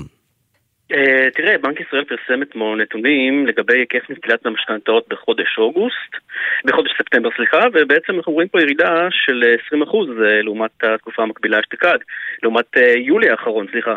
אז בעצם יש פה ירידה מתמשכת בהיקף נטילת המשכנתאות, ואולי זה אומר שהעלאות הריבית של בנק ישראל מתחילות להשפיע. לשם השוואה, במרץ האחרון אה, נרשם שיא בהיקף נטילת המשכנתאות, אה, מדובר, אז היה ביותר מ-13 מיליארד שקל. עכשיו אנחנו מדברים על סכום של יותר מ-7 מיליארד שקל, זה עדיין גבוה, אבל אם אנחנו רוצים להסתכל על מגמה, אז אנחנו רואים קצת ירידה, ואולי בעצם העלאות הריבית של בנק ישראל עושות את העבודה, מצמצמות את ההכנסה הפנויה של האנשים, ואולי אנשים יושבים קצת על הגדר, מצד אחד. Mm-hmm. מצד שני, אנחנו גם רואים שהיקף המכירות גם uh, התקרר באופן דרמטי. הכלכלנית הראשית באוצר פרסמה היום נתונים שמצביעים על נפילה של 40% בהיקף המכירות של דירות באוגוסט. אנחנו מדברים רק על שוק הנדל"ן למגורים. אז כן יש פה השפעה אה, של אולי העלאת ריבית, אולי פשוט אנשים חוששים לקראת כל הדיבורים על מיתון, שחלילה יתרגש עלינו לרעה, אז אולי סוף סוף העבודה, העלאת ריבית עושה את העבודה, כמו שבנק ישראל רוצה. תגיד, אבל זה שהיה פה חודש של חגים, לא פשוט מדבר על זה שלא היו מספיק אנשים בארץ כדי להכביד על שוק הדיור? אה, תראה, בגדול... למה אתה עכשיו עם התזות האלה, עידן, באמת? אנחנו פה עכשיו מדברים. אני מנסה להבין עובדתית, אתה יודע. כן, יכול להיות שאתה צודק. כן. תראה, אם אנחנו, אה, אם אנחנו מסתכלים על ספטמבר אה, שעבר, השפעה mm-hmm. לספטמבר שעבר, שם החגים, חגי תשרי נפלו באוקטובר. אז בעצם מדובר על אותם נתונים פחות או יותר.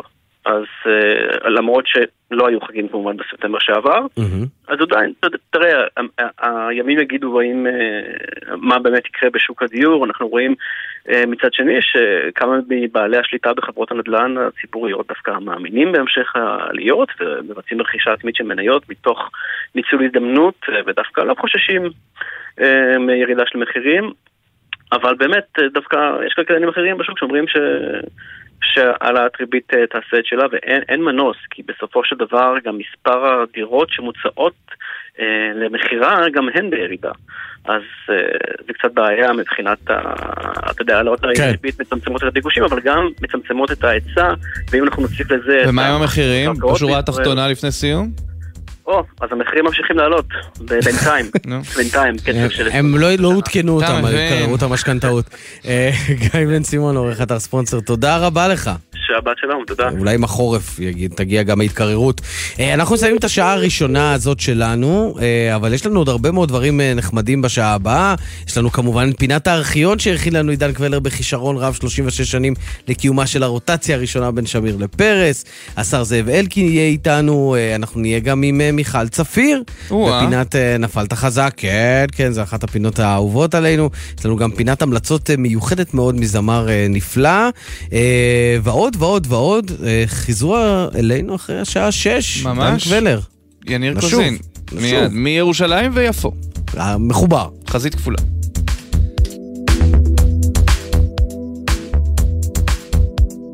בחסות חברת מחסני חשמל, המציעה מבצעים על מחשבים ניידים, טלפונים חכמים, קונסולות משחק, מחשבי לוח, אוזניות, והכל במחירי מחסני חשמל. בחסות ביטוח ישיר, המציעה למצטרפים עד שלושה חודשים מתנה בביטוח המקיף לרכב. ביטוח ישיר, איי-די-איי חברה לביטוח, כפוף לתקנון. מה נשמע, נשמע, סוף השבוע,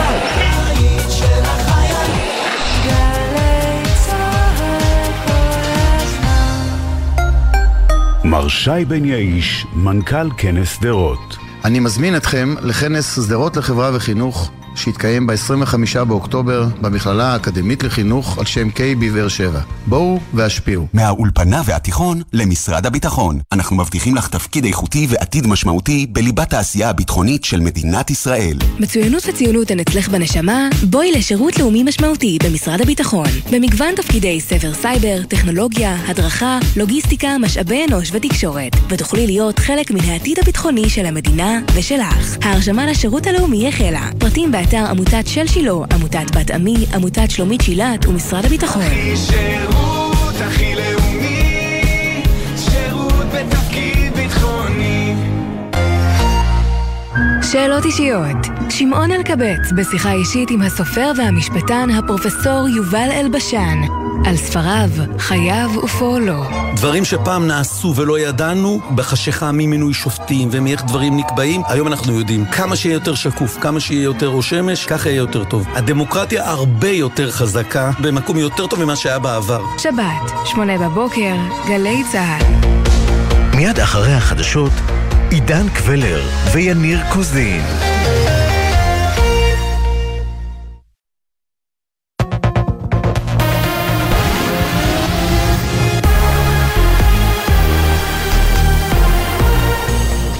גלי צה"ל השעה 6, שלום רב, באולפן עדן לוי עם מה שקורה עכשיו.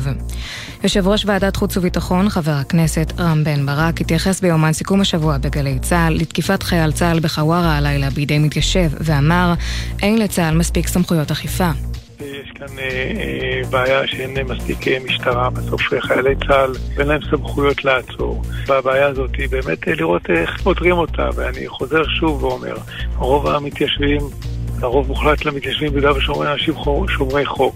ואנשים שפורעים, אגב, הם גם פוגעים במתיישבים האחרים, כן? כי הם לא עושים להם שם רע. Mm-hmm. באותם פורעים צריך אה, אה, לראות איך אה, אפשר לעצור אותם, אה, לשפוט אותם, ובמידת הצורך גם לעצור אותם.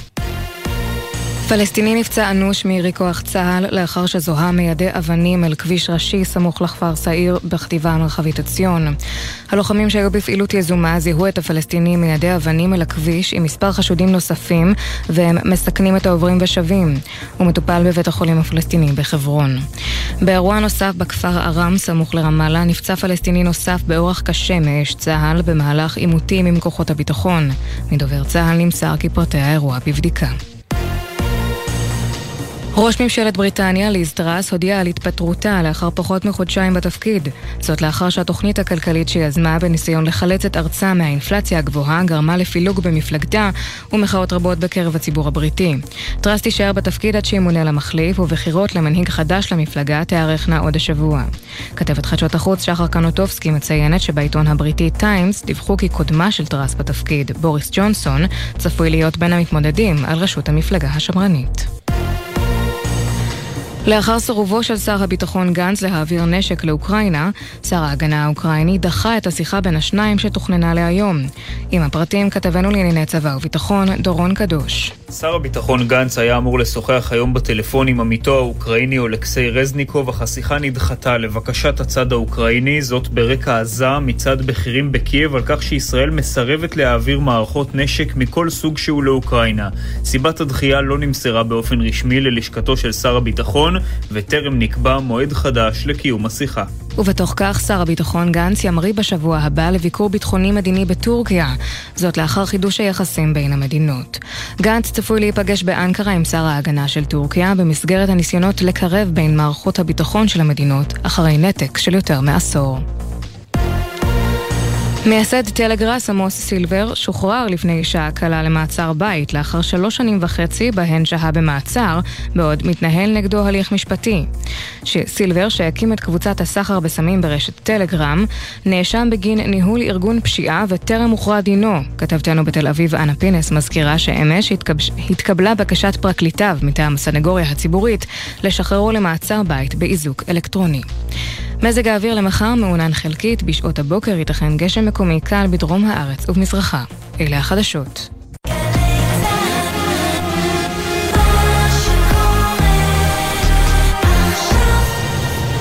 בחסות אוטודיפו, המציעה מצברים לרכב עד השעה תשע בערב בסניפי הרשת, כולל התקנה חינם. כי אין סיבה לשרוף את שישי במוסך. אוטודיפו. בחסות פנגו, מתדלקים בפנגו בהנחה בתחנות סונול וצוברים כסף לחניה כחול לבן. ללקוחות סימפל מוגבל בזמן, כפוף לתנאי השירות.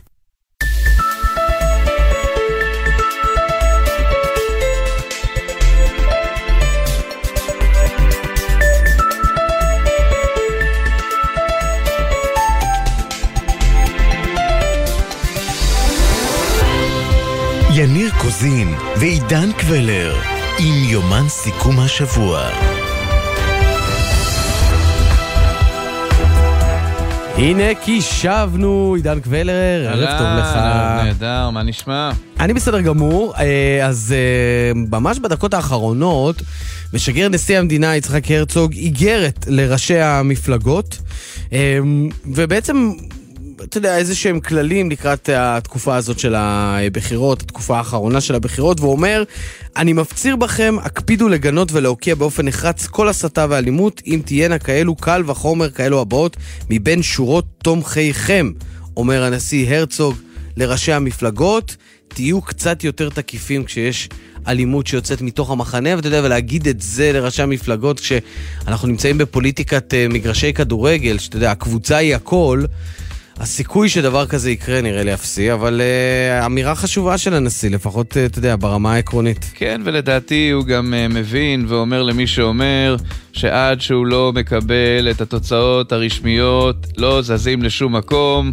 נכון. הוא לא רוצה לא טריקים ולא שטיקים, וזה, אתה יודע. אנחנו צריך לחכות, שמע, זה ייקח, uh, מה, תשעה ימים? אחרי הבחירות, כלומר כן. שבוע אחרי הבחירות בעצם כן, מקבלים לא, את התוצאות הרשמיות. אל תגזים, אבל עידן, הרשמיות, זה כשהוא מקבל אותם, מה שנקרא, ביד, את התוצאות, אבל אנחנו נדע יומיים אחר כך, משהו נדע, כזה. זה נכון, כן, לא כן, מקנא בסוקרים ובמדגמים, לא, איזה כיף, אם יש כיף ולא להיות במקום שעורך מדגמים זה. נכון. אבל אתה גם היית פעם בקלחת הפוליטית הזאת, לא מעט. אה, ודאי, נכון, כן. ותשמע, חוץ מלהתגעגע לקולות העבר, שזה מה שנעשה עכשיו, אין בי געגועים יתר על המידה. יפה. העולם שאתה מסקר נהיה אה, מטורף אה, לחלוטין, אפילו הרבה יותר. הרבה, אה. הרבה יותר, מה שנקרא, כאוטי, כן? בלי, בלי כן. יכול באמת להבין מה, מה קורה. רק נגיד אה, למאזינים שלנו, יש לנו אה, שעה אה, מעניינת מאוד. אנחנו עוד מעט אה, נשמע אה, אה, רעיון שקיימנו עם השר זאב אלקין, שר הבינוי והשיכון מהמחנה הממלכתי. אנחנו נדבר גם על מה שקורה בפריז, זה לגמרי, ה, אה, איך נאמר, הפילד שלך, השדה שלך, מה שקורה שם עם מכבי חיפה והכרטיסים אה, לקראת המשחק עם כן, פריז. מכבי חיפה אה, עשתה ככל יכולתה, אבל uh, השלטונות בצרפת בעצם גרמו לכך שפריז תמכור פחות מחמישה אחוזים מתכולת האיצטדיון, והרבה אוהדים יישארו ללא כרטיסים. יהיה מעניין לראות... אה, יגיעו לפריז ולא יהיה להם מה לעשות שם יותר מדי. מה לעשות בפריז נדמה לי שאפשר, אבל מבחינת. המשחק יהיה קשה. כן. אבל כשאתה אוהד של מכבי, נראה לי אתה רוצה להגיע ולראות את המשחק. אה, נדבר עם אה, רונית בן דורי, סגנית השגריר בשגרירות ישראל שם בצרפת. כאמור, תהיה איתנו גם מיכל צפיר בפינת נפלת חזק, של אומנים מספרים לנו על הנפילות שלהם, ועוד ועוד ועוד, אבל עכשיו אני מפנה לך את הבמה. פינת הארכיון, בבקשה. לא, אני אשמח גם אם תגיב. תשמע, הסכיתו, אה, תראו, היום בדיוק, לפני 36 שנים, קוימה הרוטציה הראשונה אי פעם בממשלות ישראל. נזכיר, תקציר הפרקים הקודמים, 1984, לא עליו אנחנו מדברים, לא עליה אנחנו מדברים, אבל נזכיר, 1984, תיקו, שוויון, הגושים חוסמים זה את זה, לא ניתן להקים ממשלה. אביו של הנשיא הנוכחי, יצחק הרצוג, חיים הרצוג. המנוח, הוגה את רעיון הרוטציה, חצי פרס, חצי שמיר. פרס נכנס ראשון לתפקיד ראש הממשלה, ושמיר מקווה כל העת, יחד עם חברי הליכוד, שאכן הוא יקיים את הרוטציה. דבר דומה, שמענו וראינו גם כשנתניהו היה ראש ממשלה ובסוף לא קיים את הרוטציה. מול גנץ הלכנו לבחירות. אז יום קיום הרוטציה היה יום גדול לא רק בגלל הסיבה הזאת, אלא גם כי שושנה ארבלי אלמוזלינו הייתה אמורה להתמנות לשרה היחידה בממשלה של 24 גברים. Mm. כלומר 25 בסופו של יום, היא ועוד 20 וכל ארבעה. תכולת הגברים. כן, אז בוא נשמע אותה. עושה את מה שאנחנו נוהגים לכנות בלשון הרדיו פסוקו, או בלשון Saturday Night Live, cold opener. הפתיחה הזאת שלא מתחילה באות התוכנית, אלא באדם מדבר פתאום משום מקום. אם מוסדות מפלגת העבודה המתכנסים הבוקר יאשרו את מועמדותי. זה יהיה אחד מהימים הגדולים בחיי. אני מאחלת לכולם הרבה בריאות וחג שמח. בוקר טוב ישראל. אה, ואות אה. הפלמנקו המיתולוגי שהייתי שם אותו כאות של כל התוכניות כאן. דווקא, דווקא החטא והעין של כן. המוזלינו, אין עליה. יום למחרת, אחרי שזה כבר קרה, יצחק בן נר, מגיש יומן הבוקר, התפייט כמו שמגישי יומנים, לפחות יומני בוקר, כי אנחנו מתפייטים. כבר לא מתפייטים יותר, הנה. בוקר אותו- טוב ישראל, בוקר טוב שרת הבריאות, סוף סוף יש אישה בממשלה. ראינו אותך אתמול ביום המאושר בחייך, על פי הגדרתך שלך, בתמונה קבוצתית עם גברת. 25 שרים, גב- 24 שרים גברים, גברת אחת במרכז. את אה, ארבע, בעצם ארבעת האחוזים של הממשלה, ארבעת האחוזים המייצגים את המין השני, המין היפה, המין החלש, אבל גם זה כבר משהו לשם התחלה. עכשיו גברתי השרה שושנה ארבלי אלמוזלינו, נגמרו אינסוף הנשיקות. כן, אז המי שברך הזה נמשך ונמשך עוד, אבל... רגע, רגע, המין החלש. שמע, עשינו איזה, איזה תהליך מאז כן, אה, לדעתי הוא 1986. התכוון לטוב במה שהוא אמר, הוא לא התכוון להשפיל, אבל אתה צודק להגיד שהמונחים... המין החלש? המונחים, זה- המונחים אז היו שונים. יצחק בן נר היה אז כוכב רדיו ענק. לא אה, נשפוט. אותו במונחי 2022, לא, אבל ברור. זה קפץ מיד פה, לא רק לי, לכולם. אה, בעצם, אה, נכון, זה- זה אני אני מודה, אבל כן. אה, לצערנו כך אה, דיברו אז. בוא ניקח אותך עכשיו למישהו אחר, אבל לא בהשלכות האלה, כי זה עלול להיות אוי ואבוי. אה, אבל חיים רמון, חיים Mm. רמון היה זה, אה, תראה, הממשלה הזאת אומנם אושרה ברוב גדול, כי זה היה הסכם, הסכם הרוטציה, אבל דן היה צריך להעביר אותה בכנסת, ורמון החליט להימנע. ירון דקל שוחח איתו. תחילה חבר הכנסת רמון, אותו שאלנו, האם שינה בשבוע שחלף את דעתו באשר לאופן ההצבעה בכנסת. ההימנעות שלי מכוונת כנגד אה, מר שמיר. מהיום מר שמיר, אחרי שיקבל את אמון הכנסת, הוא הממונה והאחראי הבלעדי על השב"כ. לאור הניסיון המר שהיה עם תפקודו ואחריותו המיניסטריאלית על השב"כ וה... והנזקים האנושים שהוא גרם לשב"כ, אני אינני יכול במו ידי למנות או לסייע למינויו של מר שמיר כממונה הפוליטי על השב"כ. זה חיים רמון הצעיר, מדבר לדעתי על פרשת השב"כ. אה, אוקיי, אם זהו, ניסיתי אה, לחשוב. שניהם היו ראשי ממשלה, בסופו כן, של דבר. זהו, לא כל כך הצלחתי להבין אה, למה הוא מטיל את כל האשמה על כן. שמיר, אבל אוקיי. אז אה, אלא אם כן צריך לשאול את רמון של. דהיום, כן. בדיוק. אלא אם כן אנחנו טועים בלוח הזמנים, אבל ככה אני מבין. בכל אופן, אה, הבאתי את זה מכיוון שזה היה מוזר שלא כולם תומכים כאיש אחד, היו כאלה שנמנעו. ולפני הקטע המסיים, אמרתי לך. בהתחלה, אני לא אביא לך השבעת ממשלה וזה, כי זה... אבל בכל זאת לא יכולתי להתאפק. הנה, טקסי החילופין, שבאו יום למחרת. בוא נאזין. יצחק שמיר קיבל הבוקר משמעון פרס את המפתחות ללשכת ראש הממשלה. אדוני ממלא מקום ראש הממשלה ושר החוץ, לפני 25 חודשים עשינו הסכם, והנה אנחנו מקיימים אותו.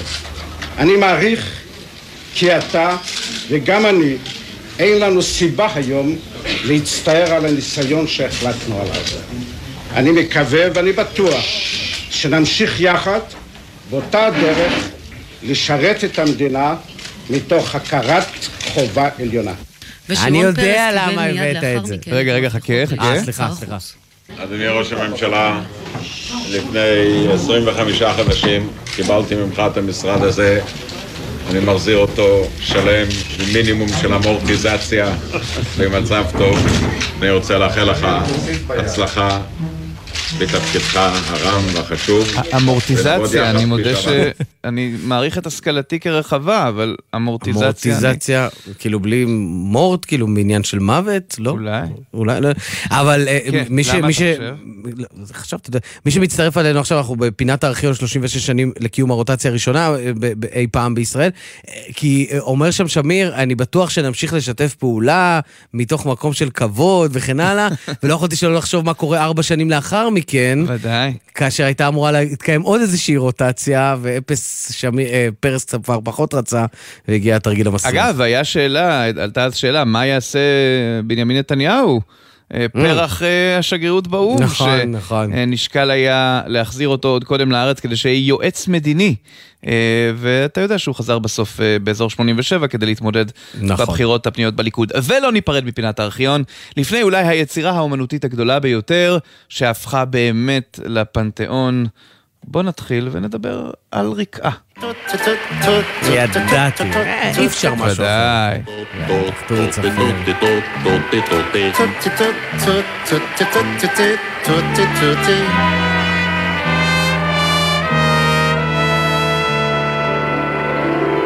בגשם הנשר כולי מאושר כי עוד יום עבר וכמה נשאר שימו לב למילים.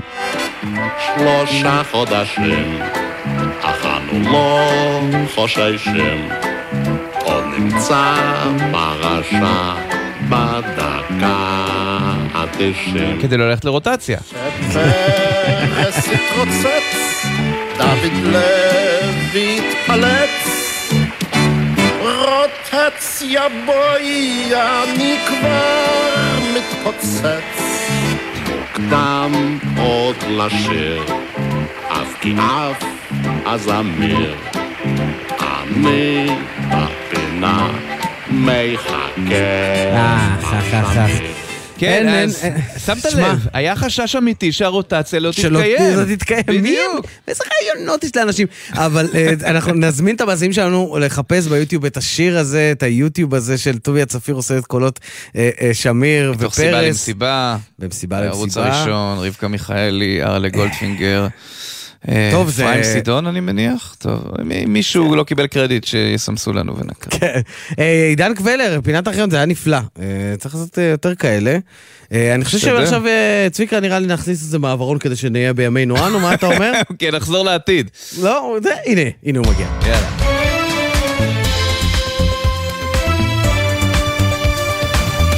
העורך רועי הביט בי במבט של מה אתה רוצה, אבל היה נראה לי נכון כאן מעברון. אה, עכשיו הגענו לימינו אנו. אה, המחנה הממלכתי, עידן, התחילה כמו איזושהי אה, תופעה שאמורה להביא איזושהי תקווה לגוש שמתנגד לנתניהו. הם רק יורדים בינתיים אה, בסקרים. כן, אה, ירדו היום ל-11 מנדטים, הייתי בוועידת המשפיעים בראשיתה שם, כן. של חדשות 12 ו- וקשת, זה פשוט היה ליד מקום מגוריי בראשון, וראיתי גם את בני גנץ אה, יוצא מהרעיון שהוא העניק, ואתה לא יכול שלא לתהות מה חושבים לעצמם ראשי המפלגה הזאת, שרצו להיות הרבה יותר מכפי גודלם כעת. או. יפה, אז שאלה מצוינת, ואת השאלה הזאת נפנה אה, לשר אה, הבינוי והשיכון, השר זאב אלקין, המחנה הממלכתי, שלום, ערב טוב. שלום, שלום. טוב, אנחנו רואים את הסקרים, גם אני ועידן דיברנו על זה. המחנה הממלכתי, אפס לא נראה טוב כבר בסקר האחרון אה, של N12 היום, אתם כבר על 11 אה, מושבים. אה, זה נראה מומנטום שלילי ביותר. אני אגיד לכם ככה, קודם כל, אנחנו בחלק מהסקרים של השבוע היינו 12, אבל זה אפילו פחות חשוב. אה, אני מסתכל על הרשימה, יש אה, סדר גודל כמה? כ-12 מפלגות שיש להן סיכוי ריאלי להיכנס לכנסת. אני חושב שרובם המוחלט היו מאוד מאוד שמחים להיות במצב הכל כך לא מזהיר, ש... כפי שאתם מתארים אותו, כמו המצב שלנו. כן, אנחנו... זה הכי להסתכל על חצי כוס המלאה ששמעתי אותך אי פעם, אלקין, אני חייב להגיד לך את האמת. זה- אבל זו העובדה המספרית, כן? אנחנו מפלגה השלישית או רביעית בגודלה, אחרינו משתרכים. אבל אתם מכוונים להיות מפלגת שלטון, אה, עם כל הכבוד להדר מוכתר ולעבודה ולמרץ. אני לא מדבר על הדר מוכתר, אני מדבר על רשימות הרבה יותר ותיקות מאיתנו, שכולם על חד ספרתי, ואנחנו אחת מארבע המפלגות היחידות במרוץ הזה שהן על דו ספרתי. אבל יש משהו שאתם צודקים, ועכשיו כרגע אתם נגעתם בנקודה המשמעותית. הרי בסוף המשוואה של הבחירות האלה היא מאוד מאוד ברורה. יש שלוש אפשרויות, אין יותר. יש או את האפשרות שביבי יגיע ל-61 עם הבלוק שלו, עם השותפים שלו. בינינו זה סיוט שנתעורר עליו בשני בנובמבר, אם הממשלה הזאת תקום. מהרבה מאוד סיבות, אה, גם בגלל כל מה שאנחנו חושבים על יכולתו של נתניהו היום למלא תפקיד ראש ממשלה, וגם בגלל העובדה שבממשלת 61 כזאת הוא יהיה סחיט לחלוטין על ידי השותפים שלו, ואנחנו רואים כבר איך זה עובד, ראינו את זה באירוע של לימודי ליבה, וראינו את זה באירועים אחרים, אנחנו שומעים שסמוטריץ' כבר מכתיב שהוא יהיה שר ביטחון, ואפשר... אבל מבחינת נתניהו זה סבבה, כי אתה יודע, יכול להיות שזה יעזור לו בענייניו האישיים, אז אולי הסיוט שלכם הוא שמחתו הגדולה. אז זה בדיוק הנקודה, שבשביל לפתור את ענייניו האישיים, לנתניהו פרט קווים אדומים, ומה שפעם היה, הכל ייפרץ. זו אופציה אחת. מבחינתנו זה סיוט למדינת ישראל, אנחנו עושים הכל כדי למנוע אותה וכדי שהוא לא יגיע ל-61. האופציה השנייה זה להתגלגל לבחירות שישיות. יאיר לפיד לא יכול להקים ממשלה, כולם מבינים את זה, במספרים זה לא מסתדר, אף אחת ממפלגות מרכז ימין לא מוכנה להיכנס לממשלה בראשותו, ולכן אין לו קואליציה ואין לו ממשלה. ולכן האופציה היחידה להקים ממשלה שהיא לא בראשות נתניהו, זה רק ממשלה בראשות גנץ.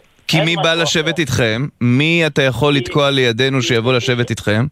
קודם כל בפוליטיקה הישראלית לתקוע לידיך, אף אחד לא יכול שום דבר. בוא נתחיל מזה. אבל, אבל בוא... משהו מקסימום לתקוע לך את הניסיונות להרכיב כן. ממשלה, זה יותר. אבל, כמו שאתם יודעים, יש לי ניסיון פעוט בהרכבת ממשלות. אני חושב שהייתי בכל המשאים ומתנים קואליציוניים שהיו כאן מאז 2009, כשהורכבו ממשלות. ואתה יודע, אלקין, בגלל שאמרת את מה שאמרת, שהרבה מאוד פעמים הקואליציות עצמן נסגרות הרבה לפני יום הבחירות. זה קרה עם נתניהו ב-2009, זה קרה גם בהמשך, כלומר, אולי רק ב-2013 שם עם התרגיל של בנט ולפיד זה לא קרה, אבל הדברים הרבה יותר ברורים, ואתם מציגים איזושהי ממשלה, תסלח לי, שהיא די, אתה יודע, אוטופית, אה, נראית כמעט בלתי אפשרית. אני רוצה להגיד לך משהו, אמרו לנו גם את זה, את זה לפני שנה וקצת. הרי אחרי הבחירות הקודמות, כולם אמרו זה או נתניהו או בחירות חוזרות, אין שום אופציה. לא כולם אמרו את זה, היו חלק שאמרו את זה, אבל המצב היה שונה, היה לך את נפתלי בנט. רוב מוחלט של המתחת למקצוע זה מה שהם אמרו, או נתניהו או בחירות חוזרות. ואנחנו מרגע הראשון אמרנו, לא, אתם טועים, אפשר להרכיב כאן ממשלה, יהיה מאוד קשה להרכיב אותה. זה תהליך מורכב, היא תהיה קואליציה מורכבת, ממשלה מורכבת, אבל אפשר לעשות את זה. אתה יודע איך זה קרה? כי פשוט הפרתם את ההבטחות. אחד זה לשבת עם מנסור עבאס, לא, שתיים זה להיות תחת אה, לפיד. זה שתי ההבטחות שלכם שהופרו. קודם כל, אם נדבר עלינו, כי תקווה חדשה אנחנו לא הפרנו שום הבטחה. אנחנו עוד לפני בחירות, גדעון סער אמר שהוא רואה אפשרות לממשלת רוטציה עם לפיד, וזה אכן מה שבנינו. ואני זוכר את, את הסינק שלו בערוץ 13, הוא אומר, אה, כשהוא נשאל האם הוא יישב מתחת ללפיד, הוא אומר, זו שאלה לא רלוונטית, אז שואלים אותו למה, אז הוא אומר, כי אני לא אשב גם תחת פיטר פן. אז איך אפשר להבין את זה? אמת, ואחרי זה כשראינו את המספרים המעודכנים, יותר אמרנו באופן גלוי לבוחר לפני בחירות, שאנחנו לא שוללים אופציית רוטציה, גם לא שללנו את רע"מ, אמרנו כל הזמן שלא נשב עם רשימה משותפת, ואכן קיימנו את זה. אגב, אם היינו מוכנים להפר את זה, גדעון סער היה אז ראש ממשלה. כן. הרי יאיר לפיד הציע לו להרכיב ממשלה עם משותפת ולהיות במקום בנט, ואמרנו לא. לכן דווקא אנחנו את ההבטחות לבוחר אבל אתה, אתה מכיר גם את ש"ס וגם את יהדות התורה, ואתה למעשה, הלכה למעשה, אלקין, מצפה מהם, השר אלקין, שהם יפרו את הבטחות הבחירות שלהם, ולא ילכו עם נתניהו כמו שהם אומרים, ויבואו לא- אליכם? אתה לא צריך אותי. אני חושב שאתם מספיק מנוסים בשדה הפוליטית כדי לזכור מה אמרו חלקם אוף זה רקורד וחלקם אפילו בשמם. מנהיגי אותן מפלגות, רק לפני כמה, חודשיים וחצי, שלושה, לפני שיצאנו לבחירות, לפני שהם התחילו לפחד שנתניהו ישתה להם את הקולות, איך הם דיברו ואיך הם הסבירו בכל מקום שהם לא יכולים להיות בני ערובה של נתניהו אם הוא עוד פעם לא יביא 61 והם לא ילכו איתו שוב לאופוזיציה ולא ילכו לעוד בחירות נוספות. לכן ברגע שנחסום את נתניהו מלהגיע ל-61 נהיה פה במציאות פוליטית אחרת. וכמו שאמרתי אחרי הבחירות האחרונות שאפשר להרכיב ממשלה ורבים לא האמינו לי אבל לכן הוכחנו שזה אפשר אני אומר לכם גם עכשיו שברגע שאין לנתניהו 61 אפשר כן. להקים ממשלה. השר אלקין, אבל איך. זה משתלב עם חבר רשימתך? לא, שנייה, שנייה, רגע, זה יהיה מאוד קשה, זה נכון. זה נכון שהיחידי שיכול לעשות את זה זה גנץ. זה גם נכון שכמה שיותר מנדטים יהיה לנו, יהיה לנו יותר קל לעשות את זה. כן, אבל איך זה משתלב עם אה, חבר רשימתך, אה, אותו גדי איזנקוט, נודע, שאמר שאין לגיטימציה לראש ממשלה עם 12 מנדטים וכעת זה 11, אה, אז אז מה, אתה יודע, בסוף מה מה זה מש... כאילו, איך זה עובד בעצם? קודם כל, אני מע- מעריך ומקווה שנקבל יותר מ-11 ויותר מ-12, אבל השאלה זה אפילו לא המספר המדויק, אלא כפי שאמרתי לכם, זה הרי זה לא שחור לבן, זה לא 1-0, אין מספר בבית מרקחת שפחות ממנו, אין ממשלה ויותר ממנו תמיד יש. אני מכיר ראשי מפלגות של 20 פלוס ואפילו 30 שלא הרכיבו ממשלה, ואני מכיר גם uh, ראשי ממשלה שהיו עם 18 מנדטים uh, בסיעה. וראינו. גם שישה עכשיו, אבל אני מדבר איתך על הלגיטימציה שבתוך רשימתך שלך נותנים לאירוע כזה. לא, בסוף מה שנותן לגיטימציה זה כמובן אמון הכנסת. ככה בנוי החוק הישראלי. אבל בדבר אחד, אתה צודק, כמה שיותר מנדטים יהיה לנו, כך יש יותר סיכוי שלא ניגרר לבחירות נוספות, אלא נצליח להרכיב ממשלה. אוקיי. טוב, אנחנו רוצים אה, עכשיו אה, להתקדם הלאה אה, לעניין אחר, לעניין שאתה גם מבין בו מאוד, וזה הנושא של אוקראינה ורוסיה. הבוקר יועצו של נשיא אוקראינה תוקף את ישראל ואומר שהיא בחרה להיות בצד הלא נכון של ההיסטוריה בכל מה שקשור במ- במלחמה בין אוקראינה אה, לבין רוסיה. יכול להיות שכאן ישראל שקטה, שהיא לא הלכה על קו חד משמעי וההליכה בין הטיפות למעשה נכשלה? קודם כל אני חייב להקדים ולומר, כן, למען גילוי נאות, בשבילי זה לא רק אירוע פוליטי או בינלאומי או גיאופוליטי, בשבילי זה אירוע אישי. כן, אני יליד אוקראינה, יליד חרקוב, שהיא אחת מהערים הכי מופצצות שהרוסות היום. יש לי שם קרובי משפחה מאוד קרובים, אח שלי, דודה שלי, שנמצאים... שנמצאים שם?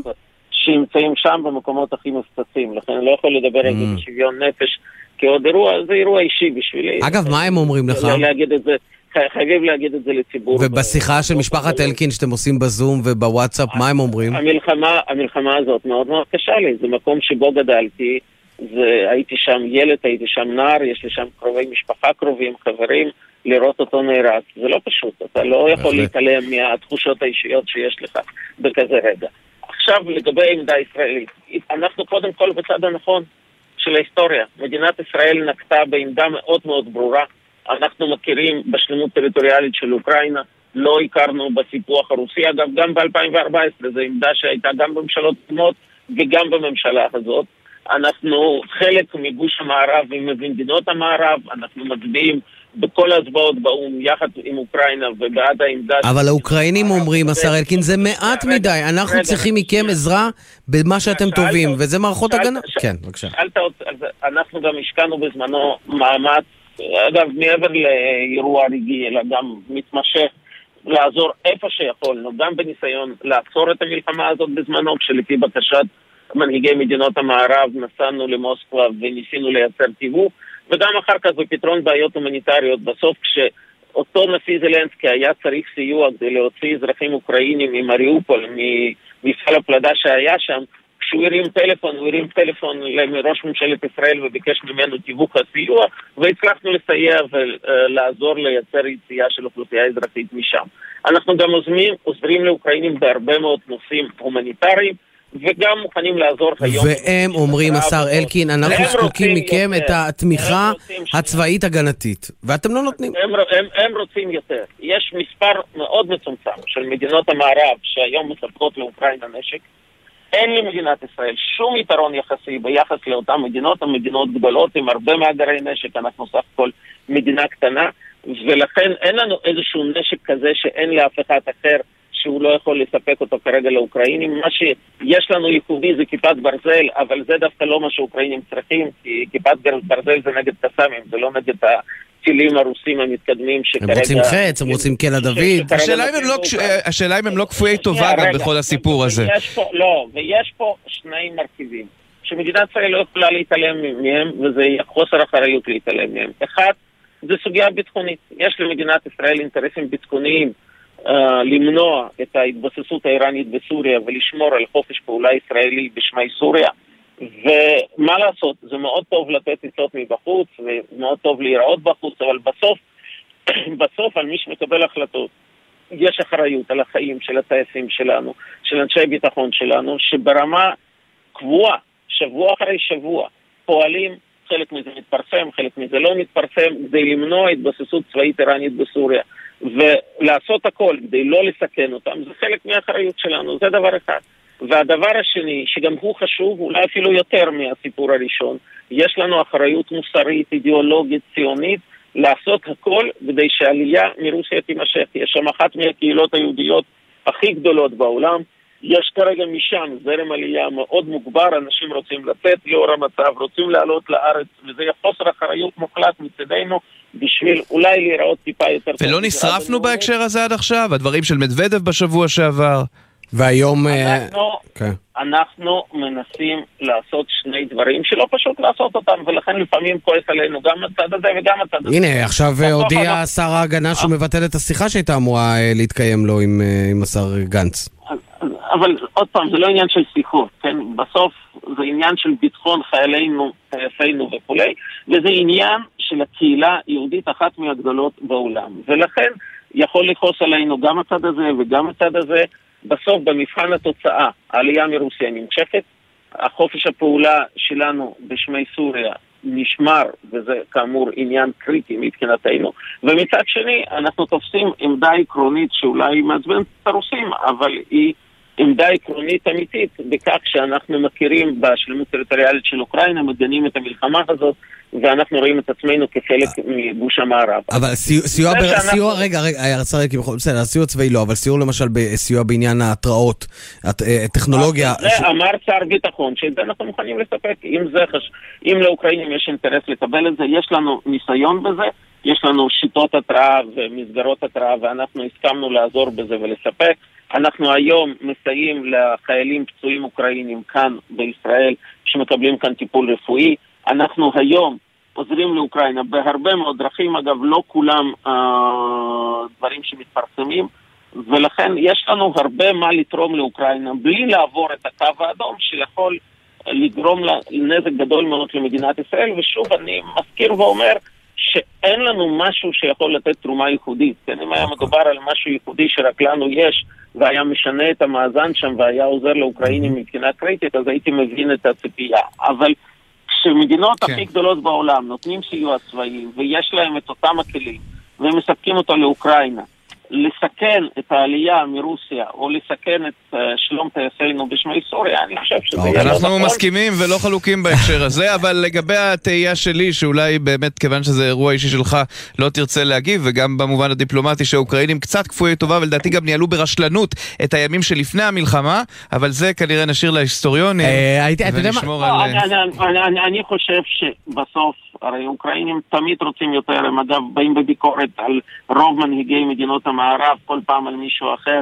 כי הם לא, כשהם לא מקבלים משהו, הם פועלים למען האינטרס שלהם, זה בסדר, okay. אוקיי. אני גם אף פעם לא אתקוף מישהו שנמצא במלחמה, כן. ועושה הכל כדי להגן על עצמו. תודה, כן, השר אלקין, אתה יודע, אני, אני רוצה לתפוס אותך בכל זאת, עידן, גם שאלה אחת, ממש ממש ממש לסיום, אה, מכיוון שהיית מעורב גם בעניין הזה, אה, שחרור אה, נעמה יששכר, אז עכשיו נעשה תחקיר בכאן 11 על ידי התוכנית זמן אמת, ואחת הטענות שעלו שם, היא שאז, ביום ההוא שנעמה יששכר השתחררה, שוחררה מהכלא אחרי מאמצים שישראל עשתה, אה, בעצם הייתה אמורה להשתחרר כמה שעות, אפילו יממה מוקדם יותר, אבל הוחלט להשאיר אותה בכלא כדי שנתניהו יוכל, ראש הממשלה דאז, יוכל לעשות את דרכו מארצות הברית למוסקבה, כדי שיהיה במעמד של השחרור שלה.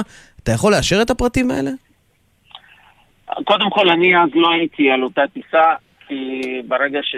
זה התחיל, אני, זה נכון שהייתי מעורב מאוד עמוק בסיפור של שחרור נעמה יששכר, יששכר, ואני חושב שזאת הייתה מצווה לעשות הכל כדי שהבחורה הישראלית הזאת תשתחרר, ולא הייתה סיבה להפקיר אותה בכלא הרוסי, זה היה מבצע מאוד מאוד לא פשוט. Mm-hmm. ברגע שזה הגיע לענייני קרדיטים, אני זזתי הצידה, בנימין צביהו עסק בנושא הקרדיטים, לא הייתי איתו אז באותה טיסה, ולכן זאת השאלה שאתם צריכים להפנות אליו, לא אליי.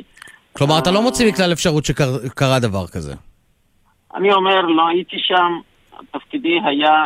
אבל אתה ידעת כשאמרו, כשאמרו שאפשר לשחרר אותה, כשאימה של נעמה יששכר הגיעה לשם ועמדה בחוץ כפי שמתואר באותה כתבה, אתה מתאר לעצמי שאתה יודעת על כך שאפשר לשחרר אותה, וגם יודעת על כך שהיא לא השתחררה באותו יום, אלא חיכתה עוד יממה. תפקידי היה, כפי שציין גם ראש המל"ל במה שהוא אמר שם למיקרופון, כן, אה, תפקידי היה יחד עם ראש המל"ל לייצר את התנאים שיאפשרו את השכרות של נעמה יששכר. מעבר ל... ברגע שהשגנו את המטרה הזאת והבנתי לשם זה הולך, כבר סיפורי קרדיט זה כבר לא היה במגרש שלי. אה, בנימין נתניהו, כמו שאתם יודעים, גם לא, אף פעם לא אהב להתחלק בקרדיטים עם שריו, אז גם הוא לא התעקש שאני אהיה מעורב בנושא הקרדיטים, ולכן... לא חיכו לך שאתה תגיע עם הטיסה, אתה אומר. אני זזתי הצידה, לי היה חשוב לשחרר את הבחורה הישראלית, זה באמת היה אירוע נוגע ללב. ללא עוול בכפה היא נפלה שם אה, קורבן כן. לכל מיני ניסיונות לסחוט אותנו, ולכן היה נכון שמדינת ישראל התערבה.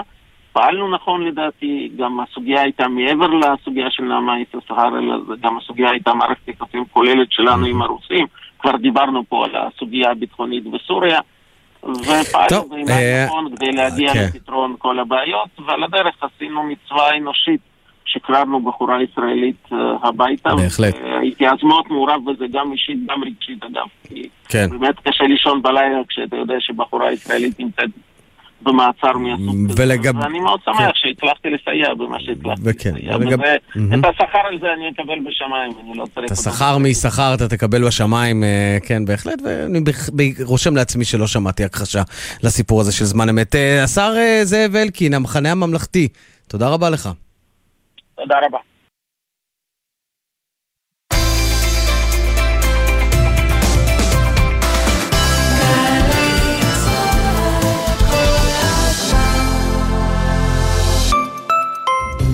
אוי ואבוי, איזה אסון! בעמוד החשמל נתקע עפיפון. שקע, לא צריך לחשוש, שלח הודעה לחברת החשמל.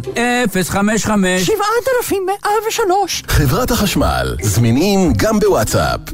שלחתי! מכללת K כנס שדרות לחברה וחינוך עובר למכללת K בבאר שבע. הכנס יתקיים ב-25 באוקטובר במכללה האקדמית לחינוך על שם K בבאר שבע. הכניסה חופשית. עכשיו בגלי צה"ל, עידן קבלר ויניר קוזין עם יומן הערב. טוב, חזרנו. אה, ועכשיו זה השלב אה, שבו אנחנו אה, פונים לאומן או אומנית אורחת, והם יספרו לנו על איך, על הפדיחות שלהם, וזה נקרא נפלת חזק. כוכבים משתפים בפדיחות על הבמה. אכן כך, רן יבנאי, אה, משתפים על פדיחות בבמה, ועכשיו נמצאת איתנו מאמנת לחיים בריאים ושמחים, ומנחת טלוויזיה וזמרת, מיכל צפיר, שלום. היי היי. היי, מיכל. בסדר גמור. אה, טוב, אה, את יודעת, מכירה את הקונספט? את מספרת לנו על הרגעים, איך נאמר, הפחות אה, נעימים. רגע, יש לי עוד משהו. אפרופו נוסטלגיה, כן. לדעתי, הסיפור שלך, מיכל, מגיע מהימים שעוד היית מיכל נחמן, לפני מיכל נכון. צפיר, נכון? נכון. הייתי נכון. חייב. כמה סיפורים, כן. יפה, אה, שלפת את ידיעך, בדיוק. אז טוב, אז בוא. נלך לפי הסדר הכרונולוגי. בבקשה, איפה תרצה להתחיל? אז מיכל נחמן. אה, שירתתי בלהקת אה, פיקוד צפון, להקה צבאית, ואני הייתי השחקנית המצחיקה, הקומיקאית של, ה... של הלהקה, והיה לי מערכון עם דני שטג, שחקן דני שטג, והמערכון, דני שטג מהפוך נראה לי, לא? אנחנו גם הפוך וגם אה, גם עכשיו, זאת אומרת, אה, נדמה לי שאפילו בפאודה ראיתי אותו. בפאודה בעונה. הרביעית הוא עושה תפקיד גדול. בקיצור, אז עכשיו אה, אנחנו, יש לנו מערכון, כשהוא משחק איזשהו תינוק כזה שיושב בתוך עגלה של סופר, וכל המערכון אני צריכה להחזיק את העגלה. אבל הבמות שבהן אנחנו הופענו בלהקה צבאית לא תמיד היו כאלה במות, מסודרות, אולם, היינו מגיעים לכל מיני מוצבים, ומסתדרים עם התנאים, ואחת ההופעות ברמת הגולן, לגולני, ממש היינו כמו על איזה צלע הר כזה, והבמה עקומה לגמרי, באמת עקומה, לא כתירוץ. ולהחזיק את העגלה, זה, זה, אתה צריך אה, כוחות. אם אני טיפה משחררת את העגלה, היא מידרדרת במדרון. ואני ככה מחזיקה ומחזיקה, ו... ובאיזשהו שלב, לשנייה, אני כזה שומטת אותה, ודני פשוט מתגלגל. לא קרה אסון. רגע, הוא עף מהבמה? הוא פשוט התגלגל, כן, הוא התגלגל, הוא התגלגל ונפל אה, ל... עם העגלה על הראש. הוא נפל בעצם קרוב לחיילים. בקצה הבמה. ישבו החיילים עם הזה, וכולם, הקהל וגם אנחנו, כל השחקנים על הבמה וזה, מתגלגלים בצחוק. אני, הגלגול מצחוק הגיע לחוסר שליטה בסוגרים, ופשוט יצא לי פיפי על הבמה. אוקיי. מזל שהייתי, שהיה לי מדי ב', אבל עצרנו את ההצגה, יצאתי החוצה, כמו גדולה, החלפתי למדי ב', וחזרתי להצגה כי the show must go on. The show must go on. וואו, מיכל, זה היה טוויסט לסיפור בצורה שהיה קשה לי לחזות אותו מראש, אני חייב לומר את האמת. חשבתי שזה ייגמר בדני שטג עם מכה בראש, וסיימנו עם מדי ב' רטובים. כן, בבקשה. ובגיל צעיר, דרך אגב, שזה מפתיע. בדרך כלל זה מגיע רק מראה עד כמה באמת... כמה התגלגל מצחוק. אנחנו מאפשרים לעצמנו להתגלגל מצחוק, זהו. אגב, הוא נפצע, דני? לא, לא, לא, הוא חזר והיה בסדר. יפה. הוא היה גם מפקד הלהקה, אז אתה יודע, בקלות הוא יכול היה להעניש אותי. אבל זה לא קרה, הוא חמל לי. יפה. עוד משהו מהתקופה הזאת, או שאנחנו נתקדם... לא, לא, מהתקופה הזאת כן, כמובן שבמסגרת הלהקה תמיד קורים כל מיני דברים, זה גם הגיל והשטותניקיות, אבל דווקא יש איזשהו משהו לאחרונה, שלי יש אה, חולשה לשמות. זאת אומרת, אני משבשת שמות ידועה, אה, ויש גם כל מיני סרטונים על זה, אבל אה, לפני, אני יודעת מה, שלוש שנים הכרנו חברים חדשים ומאוד מאוד נחמדים. ובסמוך להיכרות שלנו איתם, אה, ראיינו אותי, ואני כזה מתראיינת ומספרת בביטחון על החברים שנפגשנו איתם, יניב וקארן, ואז יואב בשידור, הוא אומר לי, זה לא יניב וקארן, זה עידן וקארין, והוא כמובן מתגלגל מצחוק וזה, אבל הילדים שלהם, של אותו זוג כמובן, צפו בתוכנית, שלחו להם, בוא נגיד שהרבה זמן צחקו עליי, איך, הם גם בקלות יכלו להיעלב, כי זאת הייתה באמת פדיחה, שאני לא זכרתי את השמות שלהם. יש, יש... יואב זה יואב צפיר, למי שלא עושה את הקשר. בן זוגים זה 30 שנה. מי ששינה את השם משפחה בעצם, של מיכל. נכון. ואת חמך שמענו קודם משעשועי הרוטציה בזמנו, כן, אז הכל מתחבר. הכל נפוטיזם פה בתוכנית. אין איזה משהו מתקופת מנגו? תספרי לנו איזה סוד כמוס על מירי נבו. וואו, אה, סוד כמוס. לא, סתם, לא. סוד כמוס על מירי נבו יישאר כסוד כמוס. ומירי נבו ואני חברות מגיל 14, והרבה סודות רקומים להם בינינו, אל מול שאר העולם, והם יישארו. עידן קבלר זכר את אוזניו לרגע. אני ומירי חברים מגיל אחר, לא 14, אבל כן, היו לנו תקופות משותפות פה. אז את יכולה להשאיר את הסודות בסדר, אני מרשה לך. בסדר, אבל אני כן אספר לך משהו על מנגו. כן. צדי צרפתי היה המנהל האומנותי שלנו, ועשינו, אה, תמיד היה כזה תלבושות, מה לובשים, לקראת השיר, והייתה לנו איזה חצאית כזאתי, ואני הייתי הרבה יותר אה, מלאה באותה תקופה, ואתה מודד את הבגדים, אתה רואה את מירי ויסמין, ואני אומרת, אוקיי, איך אני אתמודד, למה זה לא נראה אותו דבר? ואני מחליטה על דעת עצמי לשים מין איזושהי חגורת בטן מתחת לחצאית. בלי הבנה מה המשמעות של הדבר הזה, לא יודעת אם, אם אתם יודעים מה זה, אבל זה כמו איזה מין מכנסון כזה, mm-hmm. החצאית הייתה בצבע שחור, הזה בצבע גוף, וכשאתה עומד מול המראה, הכל נראה בסדר. ואז אנחנו עולים לבמה, צדי נמצא בקהל, mm-hmm. אנחנו יורדים מהבמה, וצדי טס אלינו מאחורי הקלעים ואומר לי, מה את עשית? ולא הבנתי כאילו איך הוא יודע ואיך הוא רואה. מסתבר שכל פעם שהסתובבתי, שנייה, החצאית התרוממה, וכל הקהל פשוט ראה את החגורת בטן הזאתי. המזל היחיד שזה לא היה בתקופה של היום, שזה אינסטגרם ומצלמים ומעלים וזהו, וזה נמצא שם ואתה לא יכול להתחמק מזה. אז לגמרי הרגשתי פדיחה, לא רציתי לצאת, לא רציתי לחתום, רק רציתי שהבמה תפער את פיה ותפלה אותי ואני פשוט אעלם משם. זה לא חזר על עצמו. הופעתם המון בתקופה ההיא, נכון? זה... מנגו הופענו המון, וגם לא רק בארץ. בשיא שלנו זה היה באמת ערב-ערב וכמה פעמים בערב. גרנו בערך בוואן של ה... של... שהסיע אותנו ממקום למקום. וזו הייתה חוויה מאתגרת, תקשיב, שלוש בנות בכזאת אינטנסיביות, אני לא אגיד שהכל היה דבש, ממש לא. שלוש בנות דעתניות, יש לומר. כן, היה cat fights? לא cat fight, אבל uh, הרבה פעמים היו, היו כמו כל הלהקות בעצם, לא? כן, כן, אבל דווקא הפירוק שלנו זה לא היה בינינו. זה היה אנחנו מול המפיקים שלנו. אנחנו בינינו דווקא היינו מאוד מאוד מגובשות והיינו כחזית אחידה. אבל הפער היה מאוד גדול בין זה שהצטיירנו כמו איזה שלוש אה, בובולינות והיינו ההפך הגמור. יש אומנים שהתעוררו על המצב הכלכלי שלהם אל מול המפיקים שלהם בגילאים הרבה יותר מאוחרים, ואנחנו הבנו את הקונספט אחרי שנתיים, ונעמדנו על הרגליים האחוריות ודרשנו את מה שמגיע. אה, יפה. אה, ברקע, אגב, אה, ביקשתי מחברינו בהפקה לשלב פה קצת אה, שירים ממנגו. זה ראש הממשלה כתב, לא? כן? ראש הממשלה, יאיר לפיד כתב את המילים ורמי קליינשטיין את המוזיקה. הוא ישב איתכם כשביצעתם את השיר לראשונה? קודם כל, איך השיר נולד. הוא אמר, אני רוצה להכיר את הבנות, אני לא מוכן סתם להביא להם טקסט. והיות והוא היה מאוד עסוק, ואנחנו היינו מאוד עסוקות, מתי נפגשנו איתו? ב-12 בלילה, עד הבוקר. וואלה. באנו אליו הביתה, ישבנו אצלו בבית, ופשוט ניהלנו שיחות נפש, והיה באמת מפגש מרתק, שאחרי שלושה ימים הגיע הטקסט, שלא היה קשור בשום צורה אלינו, אבל זה היה הטקסט. כולנו, אני בכלל גרתי בפתח תקווה, מירי, הדמות הזאת של גרה בשנקין היא ממש לא הייתה אף אחת מאיתנו, אבל זה היה איזה vision שלו. ואז אה, רמי הלחין את זה, יאיר, אני לא זוכרת שהוא הגיע לאולפן, אבל הוא כן שמע את הסקיצות וכן הביע את דעתו. אז מי הייתה גרה בשנקין? אנחנו לא יודעים? הכי קרוב לשנקין, באיזשהו שלב, מירי גרה, גרה ברחוב מיכל. אז שזה כזה שמה באזור. אבל, אה, אבל לא. בוא נגיד, קפה תמר היינו, בגלל השיר, אז כן. בדרך כלל עיתונאים רצו לראיין אותנו בקפה תמר, אבל זה לא היה המקום שאנחנו ישבנו בו. יפה. אה, אומר לנו המפיק אה, יואב מאיסי שכנראה נכתב על יאיר לפיד עצמו באיזושהי אדפטציה, שהוא היה גר בשנקין, היה לובש שחור, יושב בקפה תמר. אה, מאוד יכול להיות, נכון. כן. זאת הייתה ההוויה, פשוט לא שלנו. אני רוצה, מיכל, ברשותך, לסיים עם משהו ככה יותר קרוב ב- כ- כ- אה, בתפקידך כמגישה, אה, סיפור השייק. את רוצה וואו. לח- לחלוק אותו איתנו בבקשה?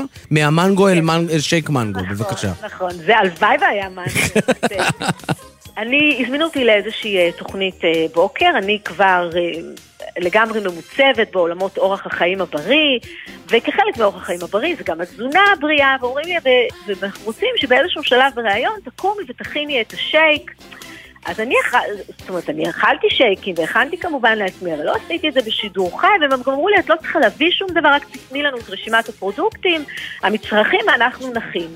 וככה היה, אמרתי להם מה אני רוצה שיהיה, הם הכינו, אני אה, מתראיינת, ואז קמים אל הרגע המיוחל שבו אני מכינה את השייק ואני קולטת, כן. זה לא בדיוק הדברים, והמים לא בדיוק נגישים. אז הכל היה פשוט קטסטרופלי. בוא נגיד שאם מישהו היה צריך לבחור לחיות אורח חיים בריא על סמך הכנת השייק, כנראה שהוא היה עושה תפנית של 180 מעלות.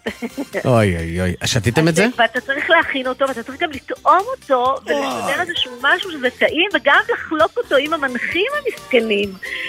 היה מביך. כולכם שתתם את הדבר הנורא הזה? שתינו, אבל לדעתי, אני, מישהי, כי זה עשתה מין איזשהו פרצוף שלא השתמע לשני פנים. הבנתי. יפה. אה, מיכל צפיר, מאמנת לחיים בריאים ושמחים ומנחת טלוויזיה וזמרת. אה, תודה, תודה רבה לך שהיית תודה איתנו. לכם. אה, אגב, מה מה את עושה בימים אלה, ככה אם מותר לשאול? אה, אני ממשיכה, יש לי סדנאות והרצאות בתחום אורח החיים הבריא. אני מגישה תוכנית בנושא אורח חיים בריא, חיים טוב יותר עם מיכל צפיר ב-102, כבר שמונה שנים. אהה. הייתה תקופה שהייתי שומע קבוע. ספציפית, הרגע נחתתי מאביזה. די. נאה דורש נאה מקיים. אז. אתה יודע, חיים בריאים ושמחים. תגידי, כשאת באביזה את יכולה לשמור על החיים הבריאים? אני, כשאני בחו"ל ויש דברים מקומיים, זה... אה, אז אני מבינה שאתה מדבר על התזונה. אני מקווה שנדבר דיברת על התזונה. אביזה. והייתי- עם חברות, אז כל הדבר הזה הוא תחת המטריה של בריאות. כן. אבל נושא התזונה, בהחלט, בהחלט הגמשתי שם את את. הגבולות. וגם נאלצתי להגמיש את המכנסיים. אבל אני עכשיו חוזרת. התחלנו עם המכנסיים, נסיים עם המכנסיים. מיכל צפיר, תודה רבה לך. תודה מיכל. בבקשה. תודה למירי. ביי ביי. עוד קצת צלילים, בבקשה. והולך.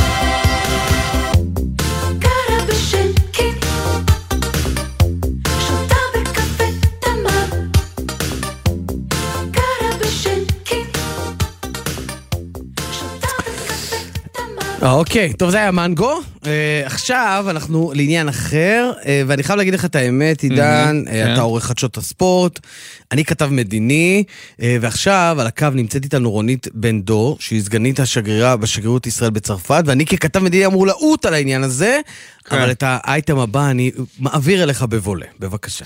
שמע, זו הייתה אמורה להיות חגיגה גדולה ביותר ליחסי ישראל-צרפת מבחינה תיירותית, ואולי גם קצת מדינית. עמדו כשלושת אלפים צופים אה, מחיפה, אוהדי חיפה, לאו דווקא מחיפה, אה, מכבי חיפה, לטוס ולחזות בפלא משחק בין מכבי חיפה לפריס סן ג'רמן במסגרת ליגת האלופות.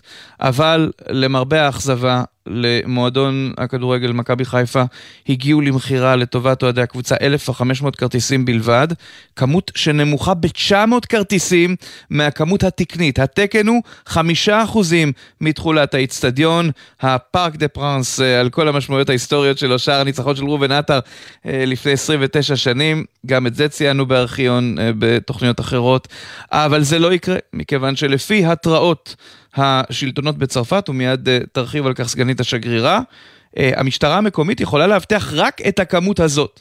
מכבי חיפה עשתה כל שביכולתה, פנתה לרשויות המדינה, פנתה למשרד החוץ, פנתה לשגרירות, פנתה למשרד אה, הספורט, ההתאחדות לכדורגל, כולם מנסים לעזור, אבל בינתיים זה המצב. מכאן מתחיל כבר הנושא המדיני. רונית בן דור, סגנית השגרירה בשגרירות ישראל בצרפת, שלום. ערב טוב. אז אם תוכלי לקחת אותנו אל מה שאתם ניסיתם לעשות. אה, אז אנחנו עדיין מנסים לעשות, לא גמרנו. המשחק מתרחש ביום חמישי הבא, יש לנו עוד שבוע ימים. יום שלישי הבא. אה, יום שלישי הבא, סליחה, כן. נכון, ה-25 בחודש.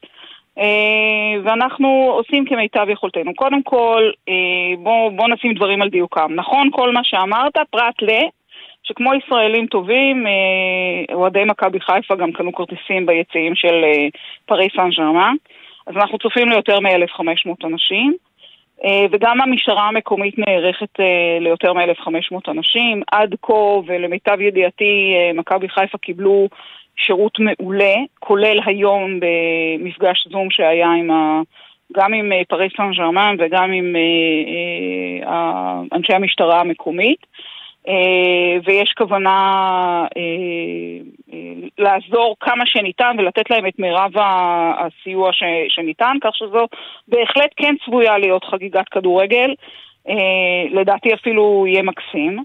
אה, יחד עם זאת, אי אפשר להתעלם מהעובדה שיש פה התראות, התראות שאנחנו חיים איתן באופן יומיומי. התראות של מה? כדורגל. ככל שתוכלי להגיד, התראות- התראות למה?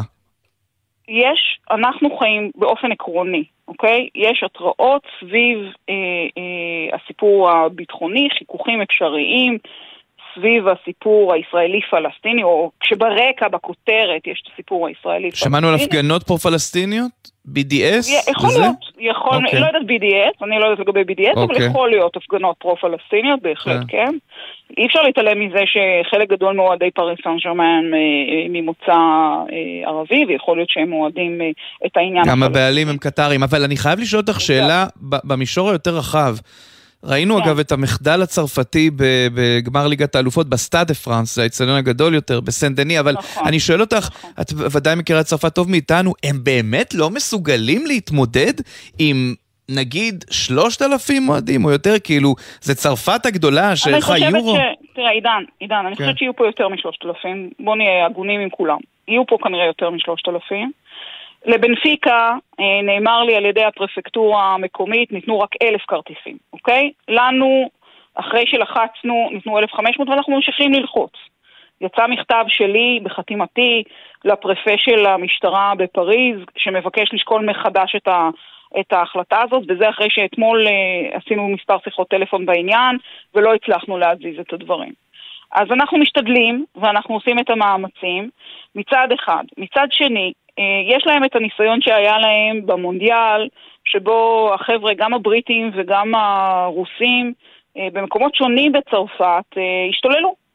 אז אה, זה אחד, ושתיים, יש להם התראות ממשיות, לא משהו באוויר, משהו ממשי.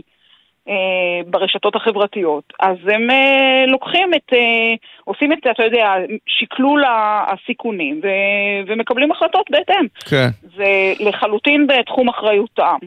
אה, אנחנו מכבדים אותם.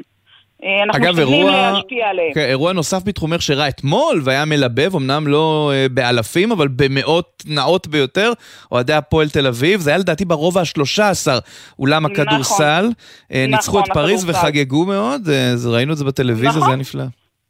וזה היה נפלא, בדיוק. אז אנחנו, אפרופו שנה וקצת לפני האולימפיאדה, הספורט על ראש שמחת כולנו, אנחנו מאוד אה, מקדמים את הדברים האלה, ובאמת, אה, למרות שמדובר באירוע שהוא של קבוצות פרטיות, מתנהגים כאילו שמדובר באירוע ממלכתי. אה, וזה בהחלט נמצא על השולחן ובעבודה. כן, אגב, אני אגיד משהו שלא קשור לכם בפריז שם, אבל רק שזה לא תהפוך להיות איזושהי תופעה.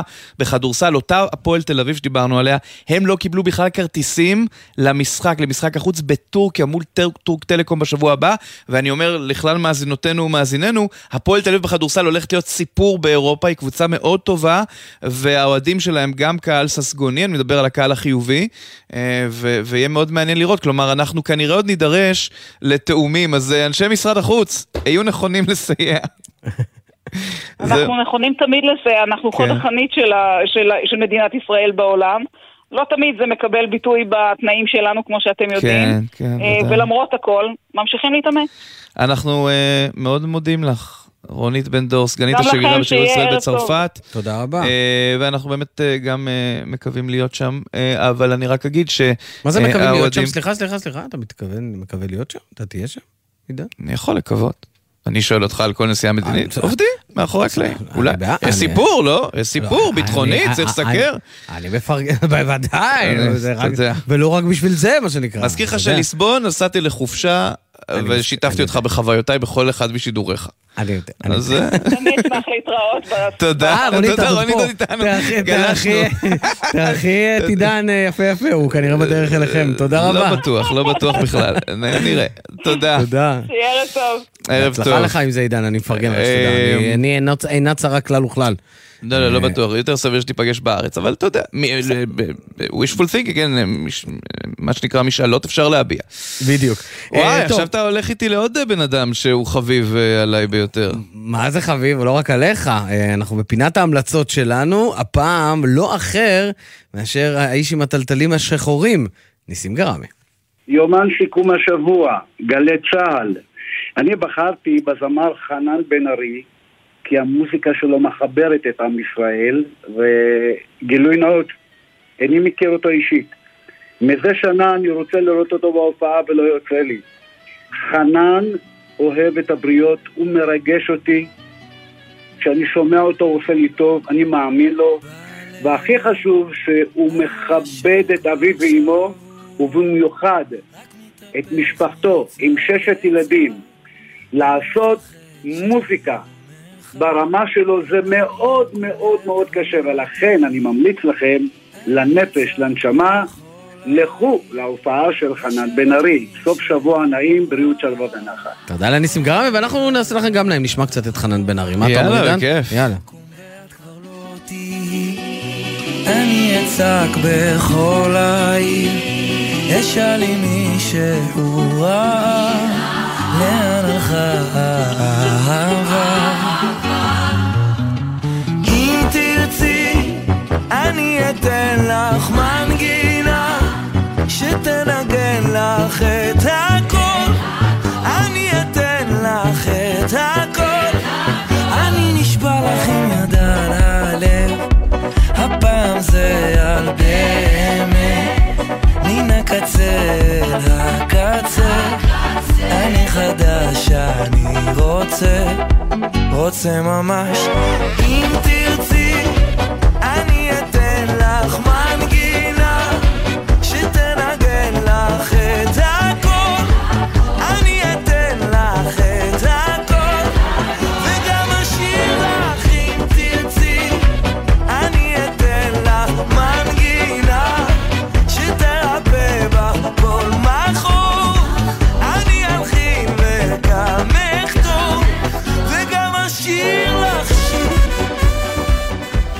זהו, אנחנו מסיימים כאן את יומן, סיכום השבוע, עם ההמלצה הזאת של ניסים גרם אה, ללכת להופעה של חנן בן ארי, המלצה נהדרת, אה, סומכת שתי ידיי עליה. אה, עידן קבלר, היה תענוג גדול. היה גם לי תענוג גדול, היו לנו כאן כמה דברים שאני אסע איתי, באמת. ממש כיף היה. לא, ברצינות. סע אותם אל פריז, ותשמח אותי גם. העורך הראשי של למען סיכום השבוע הוא רועי ולד, ששב גם הוא מאיפה שהוא שב. הפיקו אותנו נמרוד אה, פפרני ויואב מאיסיס, על הביצוע הטכני צביקה אליהו, ביפו בן שני, אלה מוטולה ואורי ריב. בפיקוח עומר נחום, עורך הדיגיטל הוא יוסי ריס, מיד אחרינו דרור גלוברמן עם העתיד עכשיו. עידן קבלר, שיהיה לך סוף שבוע נעים ושבת שלום. תודה רבה, יניר. שבת שלום, להתראות. גם אם נדמה שאין אותי, לנצח את אהובתי, לנצח את אהובתי, אהובתי. בחסות אוטודיפו, המציעה מצברים לרכב עד השעה תשע בערב בסניפי הרשת, כולל התקנה חינם. כי אין סיבה לשרוף את שישי במוסך. אוטודיפו.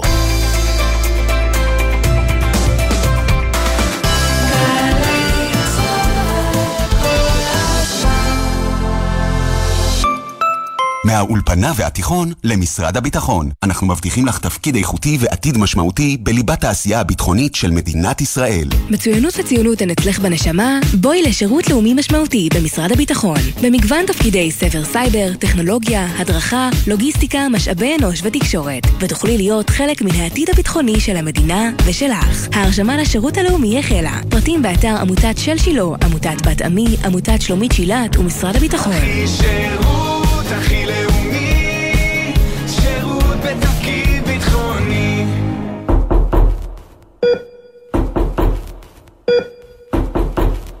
כל נקישה בדלת יכולה לשנות. מבצע הקש בדלת של האגודה למלחמה בסרטן. לתרומה, פיתחו את הדלת או תרמו בטלפון 1-800-35-46-46 או באתר וסייעו בהצלת חיים. ציפורי לילה מאחורי הקלעים חוזרות. ענבל גזית ורותם בן חמו משוחחים עם האנשים שעשו את עולם התרבות והמוזיקה הישראלי. על ההחלטות, הסיכונים והסיפורים. והשבוע, המפיק והיזם הבינלאומי, גד אורון. שלמה ארצי, שבוע לפני המופע פארק הירקון, ברח מהארץ מפחד, ולקחתי אותו לפארק, ואני מתיישב איתו על שפת הבמה, והוא מסתכל על המקום הענק הזה, והוא אומר, לא יהיה לי קהל. הוא לא ידע שהיינו בסולד אאוט. מוצאי שבת בחצות, גלי צה"ל. מיד אחרי החדשות,